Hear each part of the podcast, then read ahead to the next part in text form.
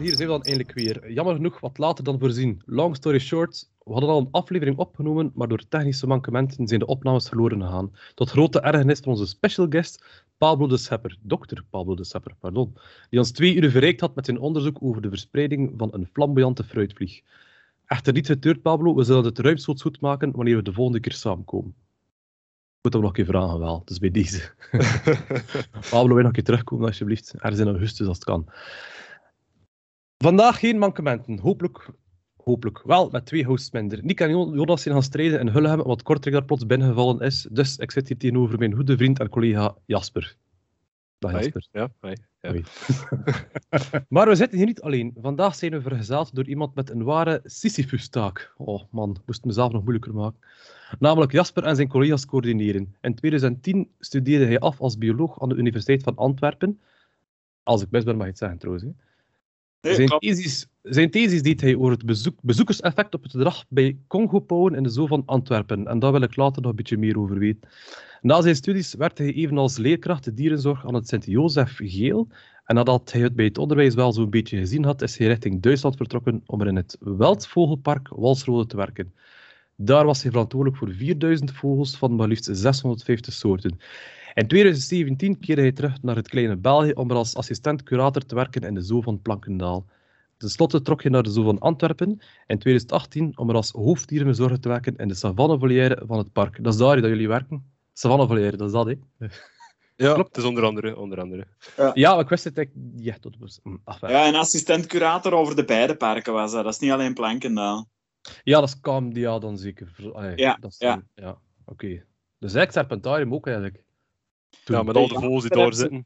Ah ja, de Ja. vogels. Ah ja, juist. Ah, dat is echt de vogels dan dat je deed. Nee, nee, nee. Op die moment, allee, assistent-curator, dat was echt eh, over alle departementen. Maar ja, met de reptielen en vissen heb ik eigenlijk bijzonder weinig te maken gehad, moet ik eerlijk toegeven. Ah, ja. Ja, ik wist dat zelf ook niet. Ik dacht dat dat echt Nee. puur vogels was. Ja. Nee, Wat nee, nee. we- Mijn- een, een van mijn eerste taken was bijvoorbeeld eh, kijken naar de duurzaamheid van onze diervoeding en zo, dat soort dingen. Dat was echt best wel interessant eigenlijk. Ja. Ja. Wat? Ik had het nog niet gedaan, maar had blijkbaar nog shit gedaan. Eh, Verder is hij voorzitter van EASA Haliformis Taxon Advisory Group, de TAG. De TAG superviseert stamboeken en kweekprogramma's onder haar verantwoordelijkheid en ontwikkelt ook Regional Collection Plans, RCP.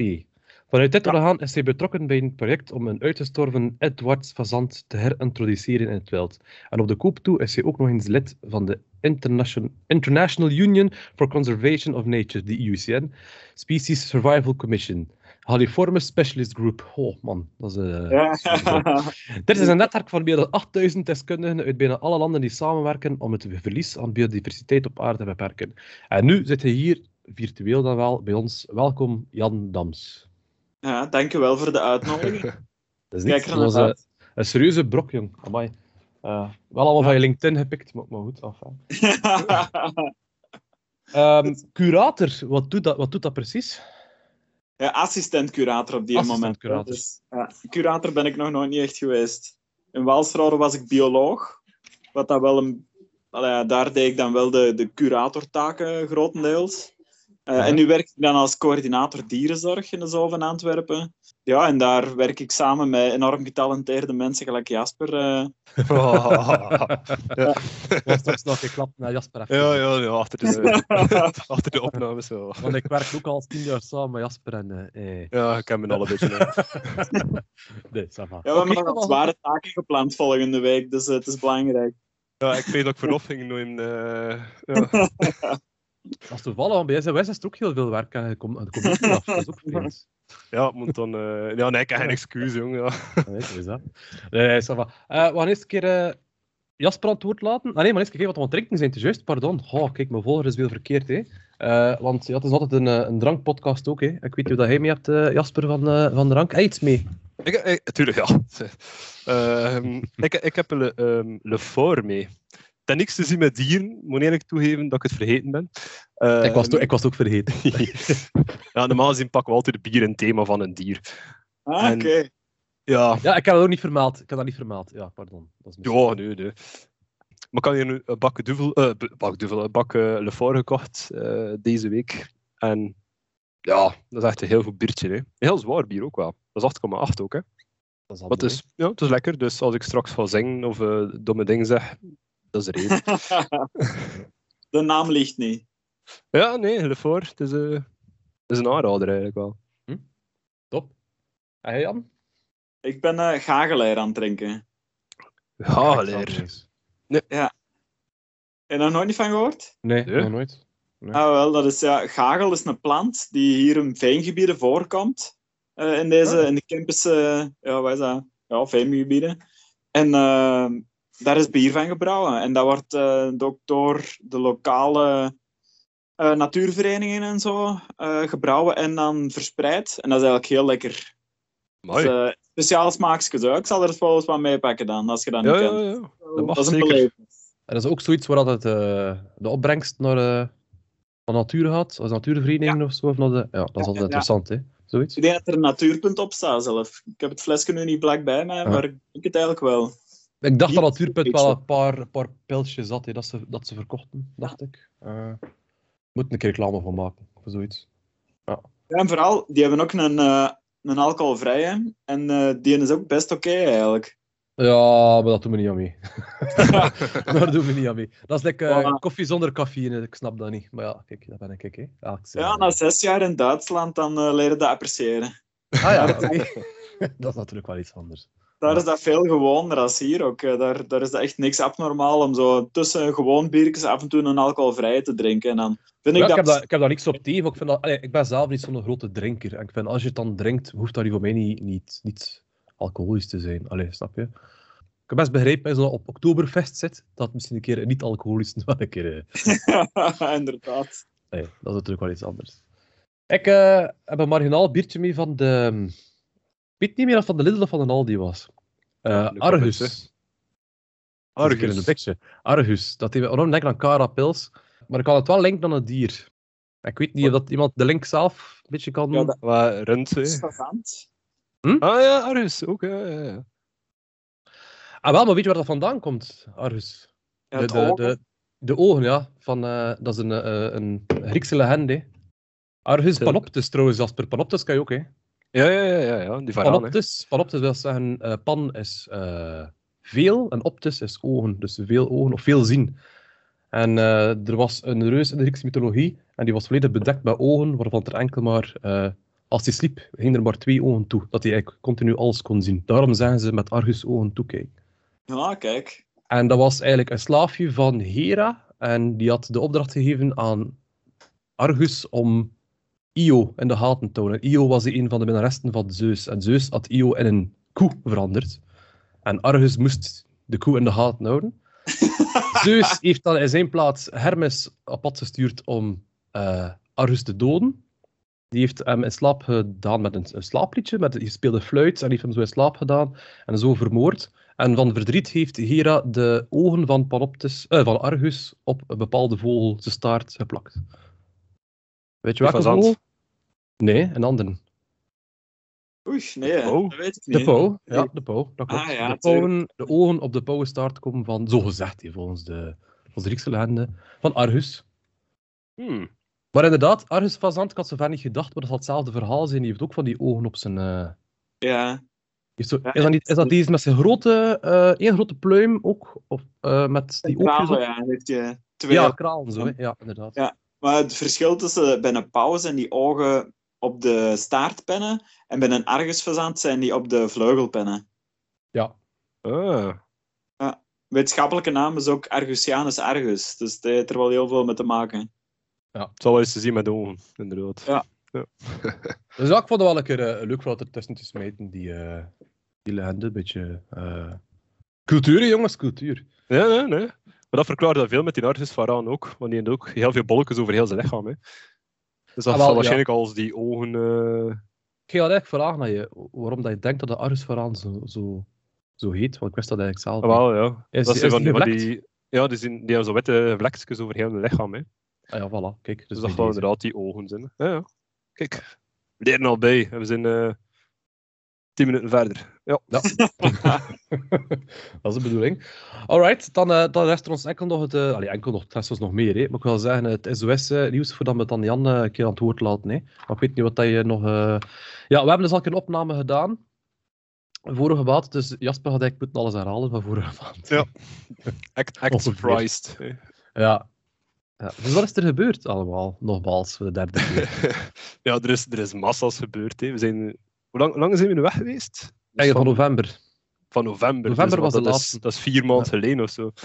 Ja, ja, ik heb trouwens een kindje gekocht tussendoor. Hè. Dus het is, Ah ja, dat is juist, een ja. beetje... Ja, Ah, ik ook vergeten. Nog een keer Oh, oh. proficiat in Marijn met de, Ja. met de mooie Luna. Merci. Ja, ik heb ze van mij dan nog gezien. Dat, dat kind is echt super makkelijk. Hè. Die wordt dan binnengebracht in dat center, die wordt dan neergezet. Niks, niks doet dat. Dat ligt gewoon verder te slapen. Beetje gelijk ik al zo, eigenlijk. ik kom dat Ja, dat center, dat Ja, dan niks. ja. Nee, dus eh, ja, bij SWS is er, is er heel veel gebeurd. Maar ik ben er een aantal topics uitgehaald die best wel eh, ja, speciaal waren. En de Mhm. eerste is eigenlijk die in beslagname zelf zaten geweest. Hè. Ja. Die in beslagname zelf, dus komt er basically op neer. We hebben dus eh, een aantal netpythons, twee tijgerpythons, dummerelboa, afgodslang en koningspython. Die in beslag Zat er geen baardhaam ook bij? Of ben ik mis? Baarteham ook, ja. Dat is, dat is minder spectaculair. Nee, maar het zat er ook bij. Dus. Ja, natuurlijk, natuurlijk. Dus die zijn in beslag genomen en de aanleiding daartoe was eigenlijk ja, het, het zotte van het verhaal. Het is ook in, in de krant gekomen daarmee. Dus wat is er gebeurd? Dat was een tijdje terug een grote tijgerpython die gevonden werd, een dode tijgerpython ondertussen, in de vaart van Henterneuzen. Ja. En die is opgevist. Eh, er is er een hele heisa daar rondgekomen. We gaan daar straks nog verder naar uitgaan, naar eh, die rapper. En ze hebben onderzoek gedaan van waar kon dat komen. Is in Nederland, dacht ik, wel gevonden ook. En ehm, uiteindelijk in Zelzaten, bij iemand dat ze wel al wat gekend was, eh, binnengevallen en gezien dat er daar nog wel van alles zat, van netpythons en tijgerpythons en grote slangen. En dat was ook een drugsdealer. En daarmee wisten ze al van dat er het een en het ander mis was bij die gast. Eh drugs is ook in slag genomen ondertussen.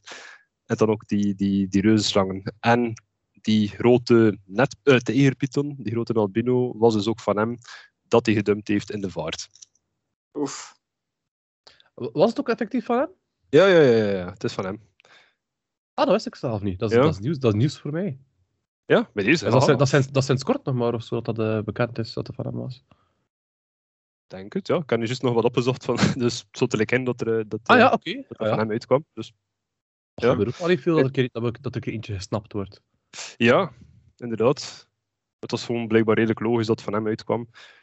Nu, waarom dat, dat speciaal verhaal is, dat was... Ik zie die rapper zijn naam weer vergeten. Oh, ik ga het opzoeken. Doe verder. Eh Ja. Rapper, Dikske rapper. Ja. Eh, Ja, dus eh, er was een rapper Presta. die... Presta. Rapper Ja. Presta. Die een videoclip wilde maken en je had daarvoor heel graag een heel grote slang eh, verkregen voor tijdens zijn, eh, ja, de opnames in zijn videoclip. hè. Dus had hij ons gecontacteerd daarvoor. Wij hebben gezorgd, wij hebben een grote albino tijgerpython bij ons ter plaatse. Hebben wij hem daarmee geholpen. En kort voordat de videoclip uitkwam, werd die slang gevonden in de vaart. Dus werd hij hem eigenlijk, ja, er was al, ja, het waren previews geweest er rond. En ehm werd hij hem eigenlijk, ja, online gezet. ja, een teaserfoto online gezet van, van hem met die slang.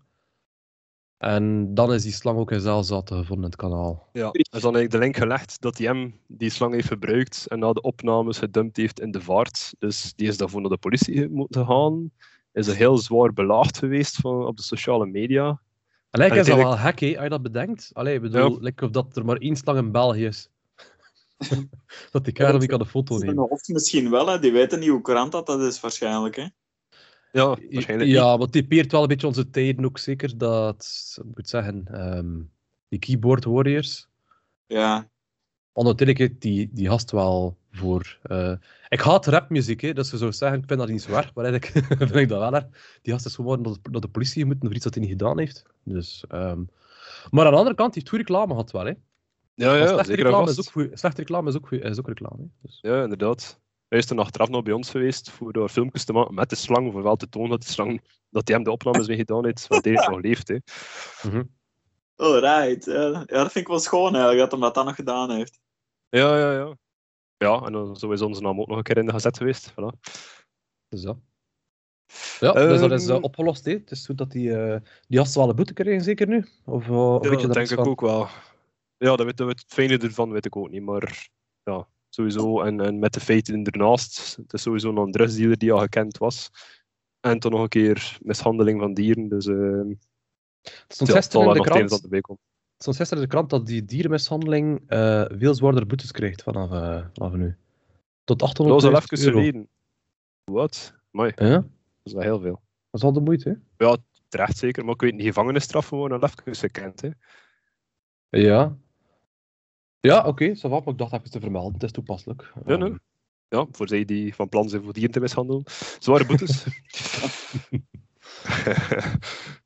Ehm, en dan nog een aantal, allee, een aantal, gewoon twee eh, verstekelingen die meegereisd zijn. Hè. Wat twee specialetjes. Ja. Als eerst kom hij met de minst speciaal. Dat was die Japanse boomkikker. Die Dryophytes Maar japonicus. hij vond dat niet speciaal. Ik vind dat wel een schoon kikkertje. Maar dat is gewoon een kikkertje, maar dat is het andere is specialer. Ja, ja. Waar was die dan mee meegereisd? Wat was dat met die kikker? Ik weet het ook niet meer. Weet hij nog maar één? Maar wat dat hij juist meegereisd was? Dat is een goede vraag. Het was in een container, dacht ik ook. Hè. Ja, maar ik weet niet welke niet- goederen dat waren. Ja, ik weet ook niet meer wat dat was. Was het geen fruit? Dat zou wel kunnen, want de meeste dingen wordt dat toch gesproeid ook. Hè? Dus Eh, Ja, maar toen dat we daar in de haven van... ehm, Antwerpen was dat toch? ja, de haven van Antwerpen vroeg me dat ook van, ja, wordt dat niet ontsmet, die containers? En het gebeurt niet altijd, hè. Ja, kijk, ja. Het gebeurt vaak dat er zo eh geld wel van eigenaar wisselt, maar dat er eigenlijk niks gedaan wordt. Om het zo te zeggen. Hij is Eh, gekast. Ja. Hij is pro. Ja. Ja, dus dat. Dus, je zei wel dat dat meer in Afrika gebeurt. Maar, eh, dus die container, die kikker, komt van, komt van Japan. Hè. Het is een Japanse boomkikker, dus ja. eh. Ik dacht dat het een container met fruit was, maar ik ben het echt niet zeker. Kijk. Eh, Nee, ik weet het ook niet meer. We hebben even moeten determineren van wat, allee, we wisten van waar dat hij kwam. kwam. Hm. Want het is dan natuurlijk nagaan welke soort is het juist. Hè. Nu, het was niet zo heel, heel moeilijk, dat hij heel goed lijkt op de, de Europese boomkikker. Hè. Ja, iets kleiner. Ja, een stukje kleiner. Hm. Is eh, wel een knap soortje. Nu, de, de andere soort was wel ietsje spectaculairder. Dat was die, die witlip bamboeadder. Mhm. Dus we hebben onlangs een uh, witlip bamboeadder die meegereisd is uit Vietnam. En dat was met hout, Nee, steen. steen. Dat was eh, Steen. een, een firma in Harelbeke die eh, alles deed van natuursteen, keukens en zo en, eh, en badkamers. Ja, En hij die hadden een lading. geweest. Ja, ik ben erachter geweest. En die, eh, dat was een container vol met natuursteen. En zij verwerkt dat daar dan. En die gast eh, deed de container open en je dacht dat er een speelgoedslang op de grond lag. En heeft die, vast, heeft die vastgepakt. De slang heeft gebeten. En de slang heeft ook blijven hangen, even. Is van zijn hand gevallen en dan gingen zijn collega's een voet erop zetten. Op Ja. de slang, hè. Op de slang, uiteraard. Ja. En die gast eh, die gebeten is geweest, heeft dat eigenlijk nog tegengehouden. Want ja, hij verklaarde van zichzelf dat hij een grote diervriend was. Ja, wat ik ook geloof, als je ervoor springt. En eh beestje in de schoendoos gestoken. Dan, dan in de lokker. Ja, nee, de schoendoos en dan eh, in, eh, in de lokker. En dan vertrokken naar... Wacht, Instituut of wat ik- Nee, hij is eerst naar de kliniek gegaan, naar... eh, Dat is dan Maria Middelares. Was dat, wat was in Gent, hoor, denk ik, dat hij geweest was. Ja, het kan wel. Ja. Dan met de Want is eerst naar het ziekenhuis gegaan en dan pas naar het instituut voor tropische ziektes. Want in het ziekenhuis hadden ze zoiets van, ja, maar ja, als dat een hefslang was van daar, weten wij niet wat we moeten doen. Dus naar het tropisch instituut gegaan. En daar dan gezien van, ja, dat is, dat is een addersoort, of een boomaddersoortje. Mhm. En ze hebben het uiteindelijk niet behandeld, omdat er niks... Ze vermoeden dat het een droge beet was. Ze hebben gezegd, ga maar naar huis en als het verergert, kom terug. Maar dat heeft u toch wel geluk gehad dat hem... eh, Ja, Ja. Ah, wel, ze, ze zeggen droge beet, maar ik geloof niet dat het droge beet was. En ik heb die... Dus die mens heeft dan de volgende dag pas naar ons gebeld. Dus die slang heeft eigenlijk 24 uur in die soendoos gezeten, in, op, ja, in die lokker. De volgende dag heeft hij gebeld en ik heb die beet gezien op zijn hand en dat stond wel behoorlijk rood. Ik zei, "Allee, moet je niet naar de dokter dan mee? Maar ja, het is al beter, zegt hij. Dus, ja, maar je, je wel chance had ze. Nu, die, die beten van die witlipbamboeadders komt echt heel frequent voor, omdat dat een hele courante soort is eh, binnen Azië. En die komen heel vaak binnen plantages en dergelijke ehm, tussen de mensen voor. Waardoor dat heel vaak gebeurt dat mensen worden gebeten en heel weinig mensen die er ook iets aan doen. En in het algemeen is er maar een hele kleine kans dat er iemand aan sterft, maar die kans bestaat altijd. ja. De beet zelf is vooral heel lokaal, dus je wordt gebeten in je hand, van je hand eigenlijk gewoon gaan opzwellen, krijg je blazen en ehm, heb je eigenlijk stollingsproblemen. Dus je bloed gaat eigenlijk niet meer gaan stollen. Nu, dat gif zelf is vooral effectief op kleine knaagdieren, wat die, die adder dan ook gaat gaan eten. Maar op een volwassen mens ja, is het echt heel lokaal en is dat gif niet sterk genoeg voor hele zware problemen op te geven. Denk nu wel, als je wordt gebeten ter hoogte van de halsstreek bijvoorbeeld, Hmm. dat dat een heel ander effect eh, zal hebben dan, ehm, dan dat dat gewoon is in je hand. Nu, sowieso, die mens, allee, chance had, hè, want dat kost dan necrose lijden ook. Dus eh, dat die, ja. dat die eh, lokaal eh, ja, sterfte krijgt eigenlijk. Dus dat die weefsel begint af te sterven. Ik heb er niks meer van gehoord achteraf. Ik denk ook niet dat hij ermee te koop gaat lopen. Maar dat hij waarschijnlijk wel niet veel extra's had. Nee, nee, ik denk het ook wel niet hoor. Ehm, Maar je chance had, hè, ja.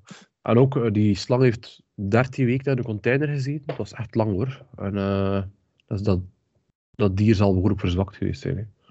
Ja, Allee, je zag er wel goed uit, vond ik persoonlijk. Je zag er heel goed uit, maar we hebben even onze twijfels gehad ook, hè, dat het echt wel een wilde slang was. Omdat dat, eh, Ja. die, die soorten worden op beurzen heel makkelijk verkocht voor pff, 20 euro misschien. Dus ja, het is, het is niet ongewoon mocht dat het dier zijn die gedumpt geweest is ook. Maar Hmm. we hebben onderzoek gedaan bij de dierenarts en die heeft dan ook wel, ik dacht dat het chlamydia was, gevonden erop. Wat dan niet zo courant is bij soorten die in gevangenschap zitten. Dus daarvan, en ze darmen ook volledig leeg. Dus daarmee denken we wel dat het wel degelijk een, eh, een wildernis. Ja, Hmm. maar je zit er dan toch, allee, het is dan toch een speciale blijkbaar voor binnen te krijgen.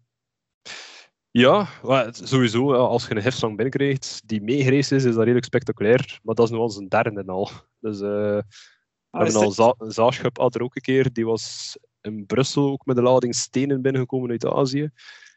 En dat is nu bijna, ja, nu in augustus gaat het twee jaar zijn. eh Boscobra van Cameroen, tussen tropisch hout. Amai, dat is Dus- nog... Ja, en dus eigenlijk bezig over enkel de hefslang. Nee, we krijgen regelmatig Ja, ja, cargo ja. dier binnen. Nee, we krijgen eh, heel veel hagedisjes binnen, dus kalootjes. Ehm, die Klootjes. huis... Die, kal- kalootjes.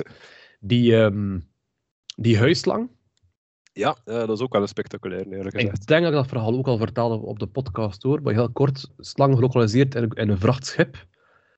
Waar zit hij? Begin wordt te zoeken. 148 containers waren het, die we allemaal moesten controleren. Met een zaklampje onder die containers gaan kijken. En die zat, die zat in de, een van de laatste. zat die slang.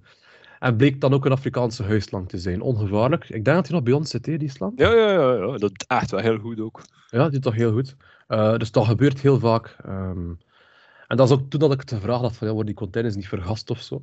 En het schijnt bijvoorbeeld als een container naar Australië gaat, dat dat altijd heel, heel strikt is. Daar worden die containers heel schoon ontsmet en gedaan. Afrika het minst. Daar durven ze wel een keer eh, de kantjes ervan af te lopen. Ja, Australië. Ja, sorry, zeg maar. Hè. Voor een boscobra, dat is toch wel best een gevaarlijk beest. Dan, dan... Ja, redelijk, redelijk, ja. Ja. Het was nu, allee, het maakt niet hoe groot dat ze zijn, maar het was nu een jong dier. eh, is ondertussen al veel geroeid. En ehm, ja, we hebben uiteindelijk in een hangar was dat, ik weet niet meer dat was 40 vierkante meter zeker. Eh, maar open aan alle zijdes. Het was toen ook in de 30 graden, dat was een beetje zomer. En we dan die slang moeten gaan zoeken, we was gewoon gelokaliseerd, los in die hangar. We zijn daar met de brandweer en dan een deel vrijwilligers ja, de hele middag bezig geweest voor dat dier te vinden. Hè, want zelfs de held ontsnapt die en is die weg, te midden van Gent hè, was dat. Als er dan een kind gebeten wordt, ja, stel dat gewoon. Dat is, Ja, ook ja, ja. hitte, dat is ook juist de hittegolf, hè. ik weet dat ook nog. Ja, ik weet het ook nog. Dus dat beest stond, eh, dat beest stond redelijk, eh, redelijk fel hè, met die hitte. Dat was, echt, eh, was de moeite. Maar die doet het ook goed, hè, die boscobra. En dat is heel goed. Dat is echt... Eigenlijk heel veel van die verstekelingjes. Hè. Die zaagschippadder was ik onze eerste verstekeling slash hefslang. En die doet het ook nog altijd heel goed. ja, ja. Dan, maar hoe is, dat met, algemeen- hoe is dat met die bamboeadder ook? Is dat goed? Gaat dat goed met maar hij, Ja, hij kijkt- ja, ja, ja. ja, even voor de mensen thuis. Jasper kijkt het meest voor de, de hefslang. Hè. Ja. Jasper en Mario, ik ja, kan er wel mee werken, maar als Jasper er is, heb ik liever dat, dat hij ze doet. Dus eh hij weet ook het meeste van die beesten, van eh, de toestand. Dus die staat er ook goed. Die, eh, Ja, ja, ja. Ze heeft al langs ook nog een keer een muis gegeten. Ze jaagt goed, ze rust goed. Allee, pff, ze zit als aan goed op haar plekje. Dat ziet er vrij goed uit. Ja, kijk, zoveel te beter. Ja. Triomf. Ik doen, maar ik zit er al aan het wachten, omdat het is marginaal met de, met de, en de blikske. hè. Dus dat moest er even zijn. Ehm, Heb je nog iets, Jasper, of niet? Ga ik Nee, kijken. nee, nee, nee, we gaan- het de- zijn nog Ah, nee, op nog iets. gaan Wel nog iets. Eh, de merch, je bent bezig met de merch, de merchandise. Of Ja, eh, ja, is er ja, nog niet te vermelden? Waar kunnen mensen dingen kopen van SOS? Is het enkel maar via Facebook? Ja, het is, het is eigenlijk via Spreadshirt. Dus we zijn nu veranderd van Teespring naar Spreadshirt, waar je ja, kledij of kledingstukken en dergelijke kunt bestellen. En dat kun je via onze Facebook, eh, via de webshop, perfect doen. En daarnaast zijn we ook bezig met ehm, materialen, dus slangenhaken, picetten, Kevlar handschoenen, hebben we ook allemaal ehm, dat we te koop aanbieden met ons mooie logo op. Mhm. En dat is momenteel nog via mail. Dus gewoon via jasper.sosreptiel.be kun je de lijst verkrijgen met de goederen dat wij verkopen. Top. Dus ja, dat. Dat was het. Dan gaan we een keer luisteren. eh. Maar ja, nee, welkom. Merci voor dat, een keer, eh, voor dat te doen. Met plezier. Whatever dat dit is. Eh, ik heb een keer zitten rondneuzen op je, je LinkedIn. En Zoo Science heeft ook zo'n pagina waar je zo lekker profielen op hebt. Dat is van de KMDA, denk ik ook. Zoiets. Ja, ja, ja. Eh, en ik heb mijn eerste vragen. ehm is like fan van hoenders, hè? Of is dat toevallig? Of, of... Nee, altijd al wel geweest eigenlijk. Allee, ik, eh, ik heb heel veel geluk dat ik samen met mijn broer eh, bij mijn ouders vroeger thuis heel veel vogels heb mogen houden. Mogen Hmm. en kunnen houden. En eh, wij hebben de collectie hier thuis, was altijd wel verdeeld. En alles qua hoenderachtige was wel bij mij. De, de hokko's en de fazantachtige, de kwartels en de patrijzen, dat was allemaal bij mij. En mijn broer deed dan de, de papegaaien en de kraanvogels. Ehm, dus ja, nee, het zit er wel wat in, eh hoenderachtige, absoluut. Maar ik heb wel wat chance gehad. Dat, toen als ik in Walsrode werk, heb ik dan die kans gekregen om dan tagchair te worden van de, de Galliformes tag. De Mhm. Galliformes zijn dan inderdaad de groep van de hoenderachtige. En daar heeft die interesse wel wat verder aangewakkerd. En vooral het feit dat ja, van alle soorten hoenderachtige is er een heel groot deel heel erg bedreigd. En dat is hetgeen wat mij het hardste aanspreekt. Dus ik denk dat ik even enthousiast zou kunnen worden van een of ander bruin kikkertje dat ergens in een of ander nevelwoud zit eh, Ja. op, zijn laatste, op zijn laatste tanden. Dat zou ik eh, ook zeker tof vinden. Maar ja, nu ook dat ik die kans gekregen heb om met hoenderachtige te werken en dan voornamelijk dan eh, dieren die in, soorten die in het wild heel erg bedreigd zijn, dat vind ik wel echt tof. Om daar iets voor te kunnen doen, eh, ja, dat vind ik wel echt heel, eh, heel tof. En wat zou de reden zijn dat hoenderachtigen het zo lastig hebben? Ah, ik Ik denk dat dat die het meest bedreigd zijn eh, van, Nee, van de vogelstaf, onderstel ik. Hè? Of een grote groep, een grote groep ervan. Ja, nee, nee. nee. Ik, allee, ja. Als je kijkt naar allee, de fazantachtigen alleen, ik denk dat drie vierde daarvan een conservatiestatus heeft. Waarmee dat ik wil zeggen dat ze binnen de IUCN, allee, volgens de IUCN Redlist criteria, niet least concern zijn. Dus Hmm. near threatened, vulnerable, endangered, critically endangered of extinct in the wild. Wat dat toch wel proportioneel relatief hoog is. Maar ja, ik, ik dat alle vogelsoorten of alle diersoorten het op deze moment wel slecht doen. dus ja, nog eens een extinctiegolf waar we op deze moment in leven. En om daar dan toch een beetje proberen tegen, tegen te werken en soorten te kunnen behouden, dat vind ik wel een heel nobel doel. En als ik iets Ja, in mijn leven kan bereiken, dan liefst. Hè. Ja, uiteraard. Het is soms wel een beetje dweil met de kraan open, maar... ehm dat, Ja. gevoel heb ik, dat gevoel heb ik toch soms, hè. Ehm, Ja, absoluut. Maar ik heb niks anders beter te doen, dus dan kan ik daar ik denk dat dat ja, een van de beste antwoorden is, ook weer al gehoord heb. Dat is waar. Niks beter te doen. Ja. Allee, ik, misschien ook, eh, ik zou heel veel geld kunnen verdienen en misschien met ferme sportauto's rondrijden en Ja. zo. Maar ik weet niet of ik daar gelukkiger van zou worden. Dus eh laat mij maar dan eh fazantjes proberen te redden. Maar ik Ja, denk dat mensen ze- zoals wij toch veel sneller ons geld zouden uitgeven aan zo'n projecten. Dus allee, ik had al vreemd gevonden dat mensen met veel geld dat ik houden. Maar, Ja. allee, dus ik zoveel Ja. geld hebben, ik koop mij de helft van Brazilië op of zoiets. Ja, wel. Maar je ziet dat nu wel gebeuren. Eigenlijk die Ed Sheeran in Engeland, die is daarmee bezig. Ah ja, is dat zo?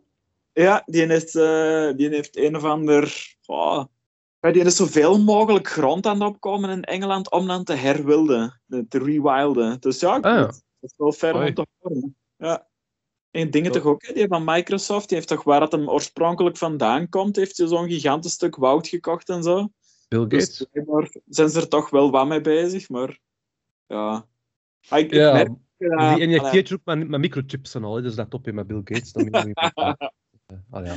We ik politiek getent, maar... ehm, voornamelijk gemerkt heb eigenlijk, in de korte tijd dat ik met conservatie bezig ben, dat het ook niet per se over geld gaat, maar over mensen die tijd willen investeren. Tijd en moeite.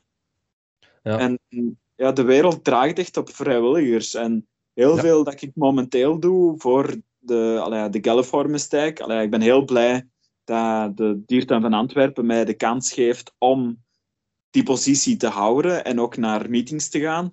Maar Mhm. ook daarnaast ben ik, allee, gisteravond ben ik nog naar een meeting geweest over fazanten, eh, compleet in mijn vrije tijd. En ik denk dat veel mensen dat niet echt beseffen, misschien zo wat de kat uit de boom kijken, van oh, ik weet niet goed wat ik kan doen voor conservatie, maar Mhm. Ik zeg dat tegen iedereen waar ik het kan tegen zeg, is van ja, spendeer er tijd. Allee, wat dat er momenteel nodig is voor de wereld een, betere plaats te maken, is volgens mij gewoon mensen die geëngageerd zijn, die ergens voor willen werken. En dat kan heel simpel zijn. Ze. We zijn momenteel bezig met dan bijvoorbeeld die Vietnam-fazant, maar ik heb nu een heel goede samenwerking met een, met een Poolse jonge gast, 19 jaar hem volgens mij, en die levert mij foto's aan. Maar die zijn foto's die worden nu momenteel gebruikt in, in, in internationale publicaties. Dat had die jongen zelf ook nooit niet gedacht. Maar zo Mhm. simpel kan het zijn. Hè?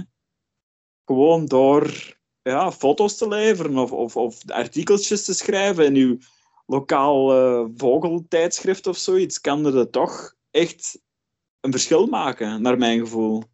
Nee, nee, dat is 100% correct. Ja, en, En ik en- denk dat, allee, ja, SOS Reptiel, chapeau, gasten, allee, hetgeen dat Gelle doet. allee. ik denk dat dat best uniek is in België. Ik ken echt een andere organisatie. Het is ook niet echt mijn wereldje, geef ik eerlijk toe, maar ja, het is... Het is ja, Maar ik knap. denk, naar mijn ervaring, dat wij daar op zich niet, niet uniek in zijn. Ze. Als je naar elke VZW kijkt, of het vooropvangcentrum, dat draait ook vooral op, op vrijwilligers. Hè. Ehm, in het geval van het vooropvangcentrum heb ik wel, wel wat bepaal, betaalde krachten, pardon. Maar anders... ehm, en eigenlijk, eigenlijk klopt dat niet, hè. Dat zo'n jobs niet betaald worden.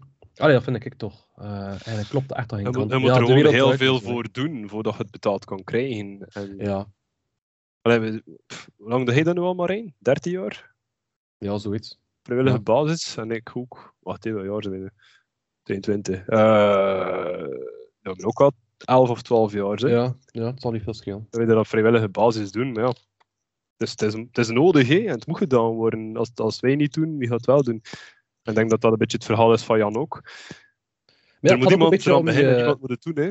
het had ook iedereen heeft zijn eigen talent. Nee? En, en ja, onze talenten en interesses zijn, zijn dieren. En dat is ideaal om dan.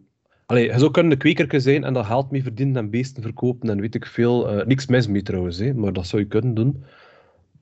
Maar je zou ook bijvoorbeeld die richting uitslaan en bijvoorbeeld een, asiel eh, runnen of conservatie gaan doen. Vind ik al iets productiever. Ah ja, dat is dan, dat is dan mijn mening. Dan help je niet alleen maar jezelf. Dat is het schone eraan, denk ik ook. Ja. Maar je helpt ook een beetje jezelf, want het is bijleren ook. Hè. Het is ongelooflijk hoeveel dat je bijleert dat je in dat wereldje zit. En ik vind dat, allee, in mijn ogen is, is ja, knowledge is power. Hè.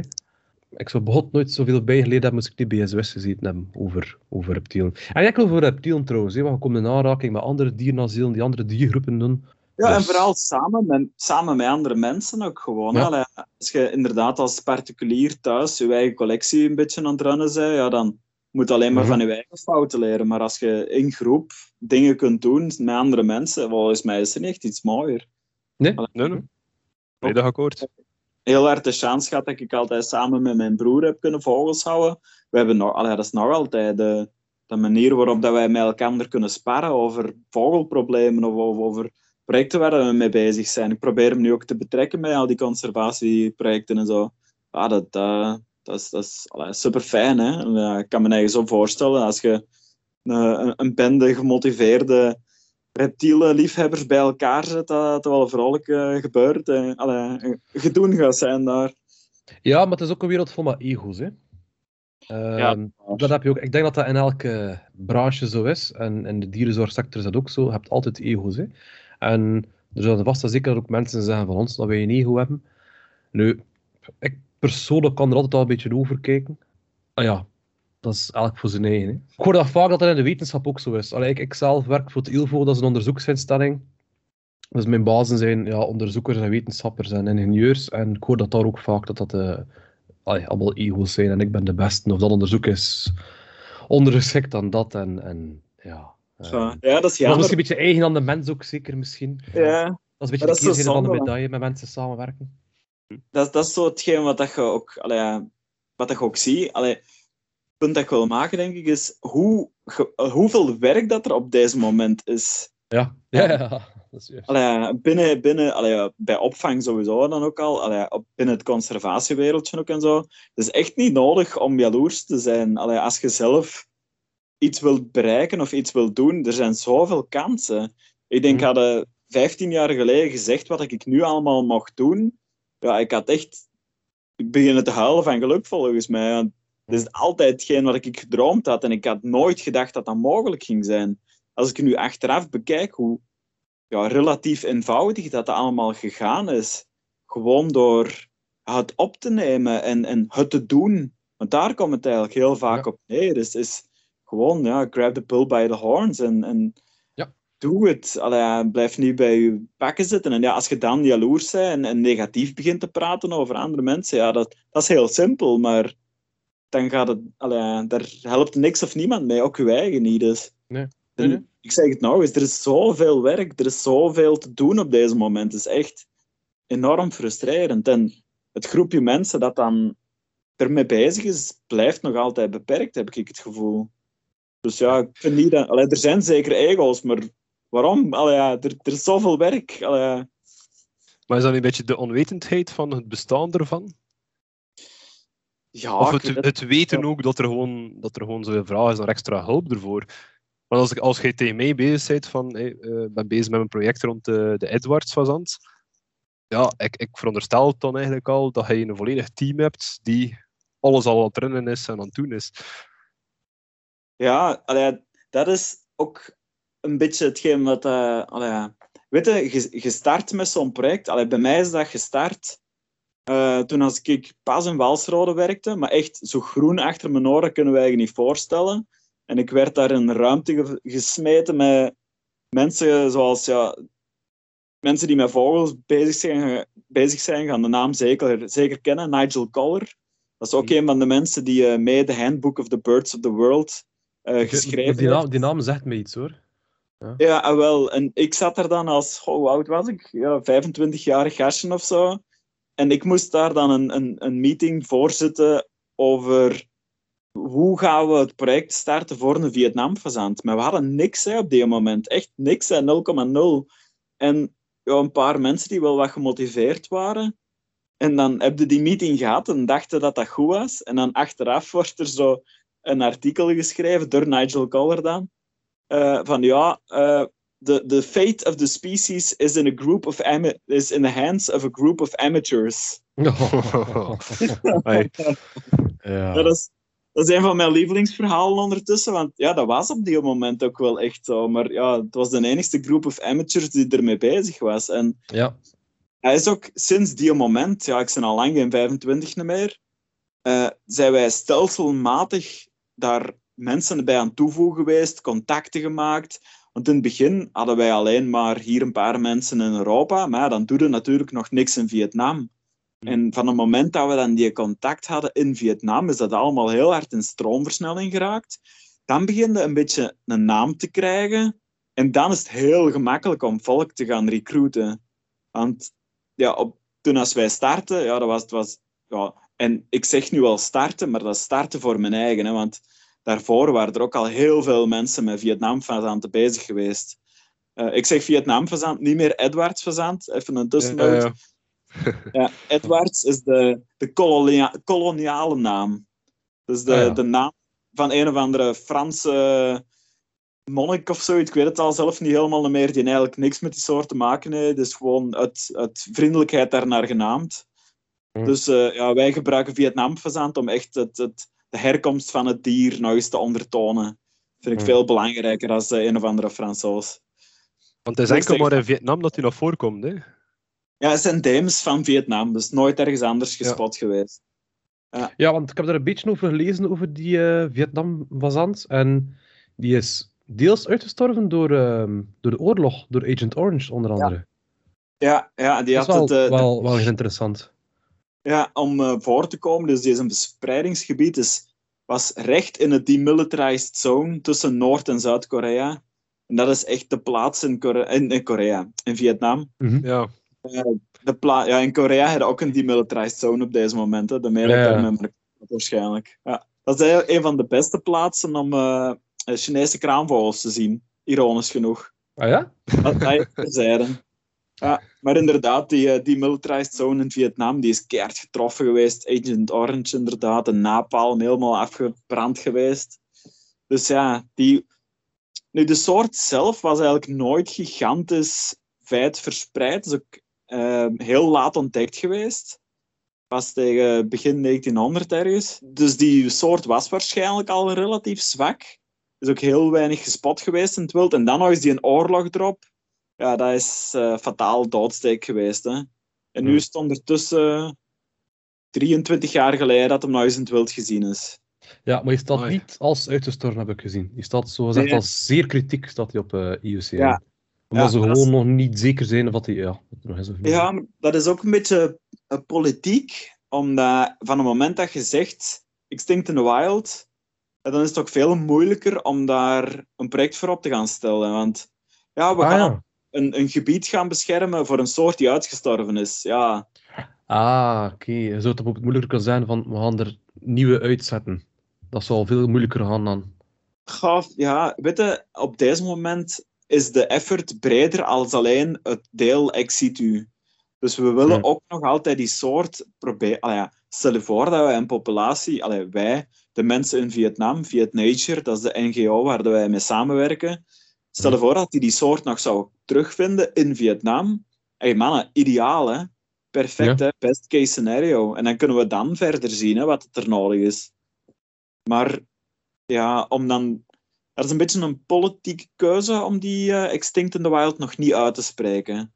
Omdat ja, op deze manier kunnen ook de nationaal parken in Vietnam zeggen van oké, dit is een van de, de, de range eh, states of de, van die soort. Eh, dus het is belangrijk dat we die range gaan beschermen, omdat die soort er mogelijk nog kan zitten. Anderzijds, ja, Vietnam, allee, ik ben er zelf nog nooit niet geweest, kan er mij wel iets bij voorstellen. Dat zal wel redelijk groot zijn. En het is een soort die je zijn eigen heel gemakkelijk kan verstoppen. Je moet hem maar eens proberen te spotten in de zoo van Antwerpen. Het is het met een, eh, in een volière van 6 op 3. Ah, wij dat Dat- zitten. Ja, kijk, Ja, wist aan, het, ik zit wist dat, het, ik hè? wist het. eh, Ja, tot. Ah, nee, ik wist het niet meer af. hè, Ja, Ja, ja. dus ja, ja, maar er- zijn er al een stuk of 5000 van een gevangenschap, dacht ik. Hè? Hoeveel?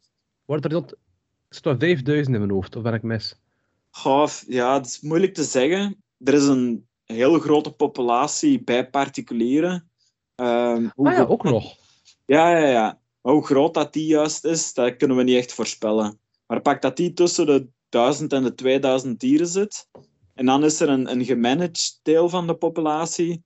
En als je die allemaal optelt, komt de, de rond de 600 uit ongeveer. Ah ja, oké. Ja, Dat is een goede populatie. er? Daar kunnen we Ja. mee verder. Hè? Allee. Ja, ja, natuurlijk. Ja. Ja, ja, Het is beter dan die drie witte neushoorns daarin. West-Afrika, dat was wat minder. Maar af. Ja, twee vrouwtjes nog, of wat is dat? Ja, ja, het manneke is dood. ja, die man is Maar gestorven. Maar ze zijn nog zaad. Zijn nog zaad. Ja. En nog eieren. Ja, oké, wa- whatever. Ja, maar hoe pak je dat aan voor die, die, die Vietnam-fazant? Ehm, want het is allemaal op vrijwillige basis. Maar ik veronderstel dat je wilt die soort terug uitzetten op een of andere manier. Of die populatie terug wilt aanzwengelen. Ja, ja, ja. eh, Hoe begin je dus- Zeker als dat een soort van ehm PZ2-achtige situatie is, zal ik maar zeggen? Of eh, non-profit? Ja, ik zeg, allee, de, ik zeg het nog eens, de, de, de diertuin is, eh allee, zo van Antwerpen steunt mij daar allee, in. Ja. Ik krijg tijd om daaraan te werken. Ik mag daar ook voor naar meetings gaan. Mhm. Dus die chance heb ik wel. En daarnaast, allee, dat is een groep van mensen. Dat is een eh, recovery team dat daar aan werkt op deze moment. En ja, ik zeg het in het begin, was dat een heel klein groepje aan mensen. En stelselmatig is dat echt wel uitgegroeid tussen een groep met een paar stevige heavy hitters tussen. Bijvoorbeeld Luis Carlos, dat is de vice director of uh, zoology volgens mij in. Uh, wacht, tegenwoordig is het Mandai Nature. Dat is het vroegere um, uh, Singapore Zoo. Oh. Ja, dus dat is echt wel een hele grote uh, speler binnen dat wereldje, conservatiewereldje, die daar een belangrijke rol in speelt.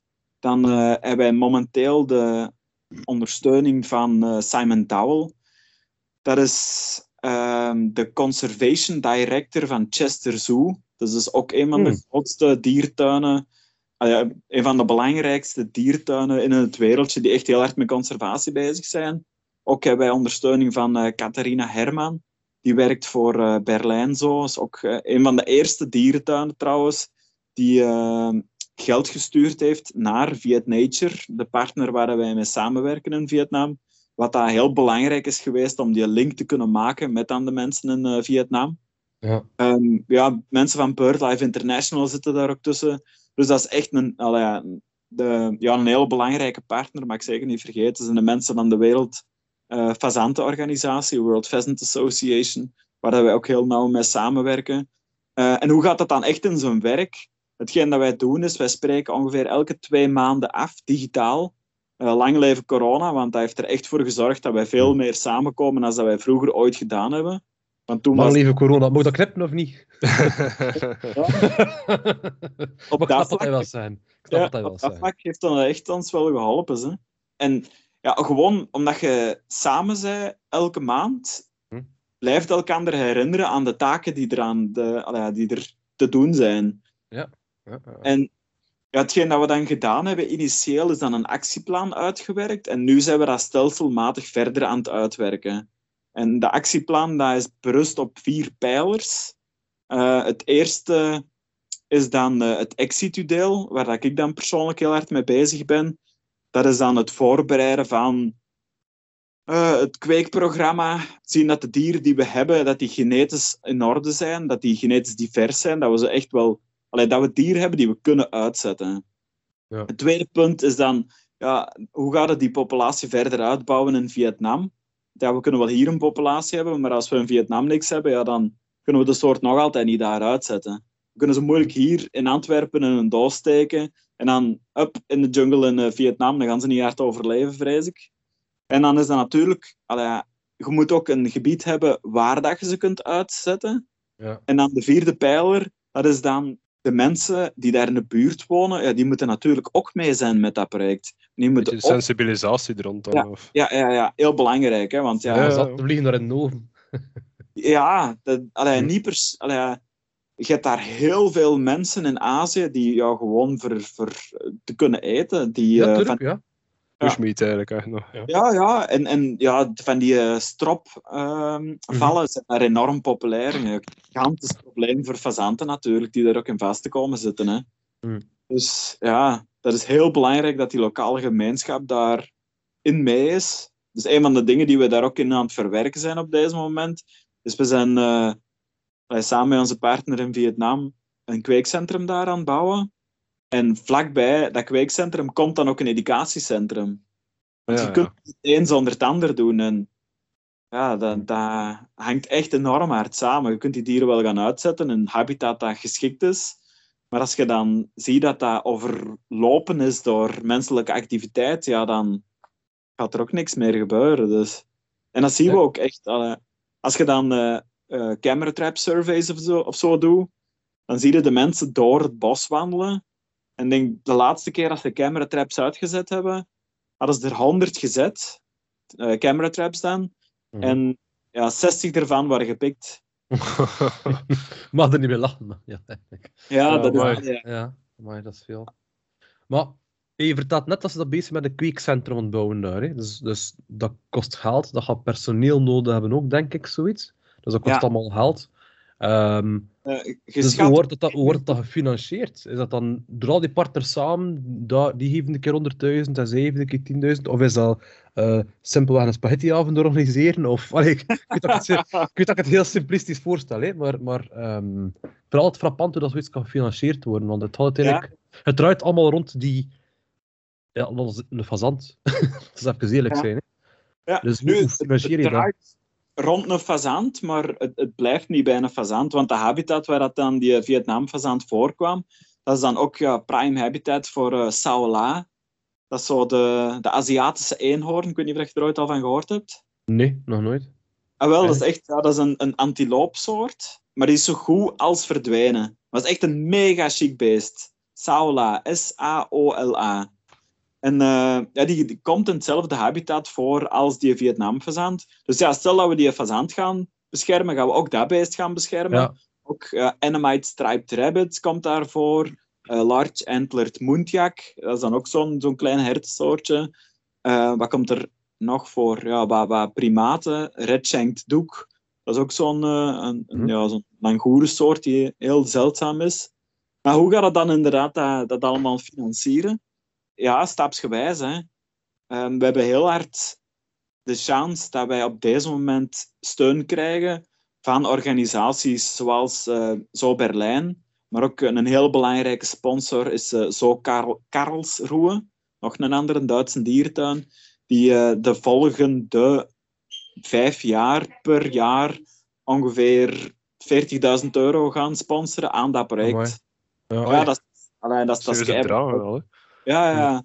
Want we hebben eigenlijk berekend dat om de soort terug uit te gaan zetten en ja, sustainable, dus, dus duurzame populaties te kunnen gaan bouwen, dat we ongeveer 1 miljoen euro gaan nodig hebben. Oeh. ja, Amai. dat is veel. Wat dat veel geld is, maar wat ook kei weinig geld is. Ja, ja, ja.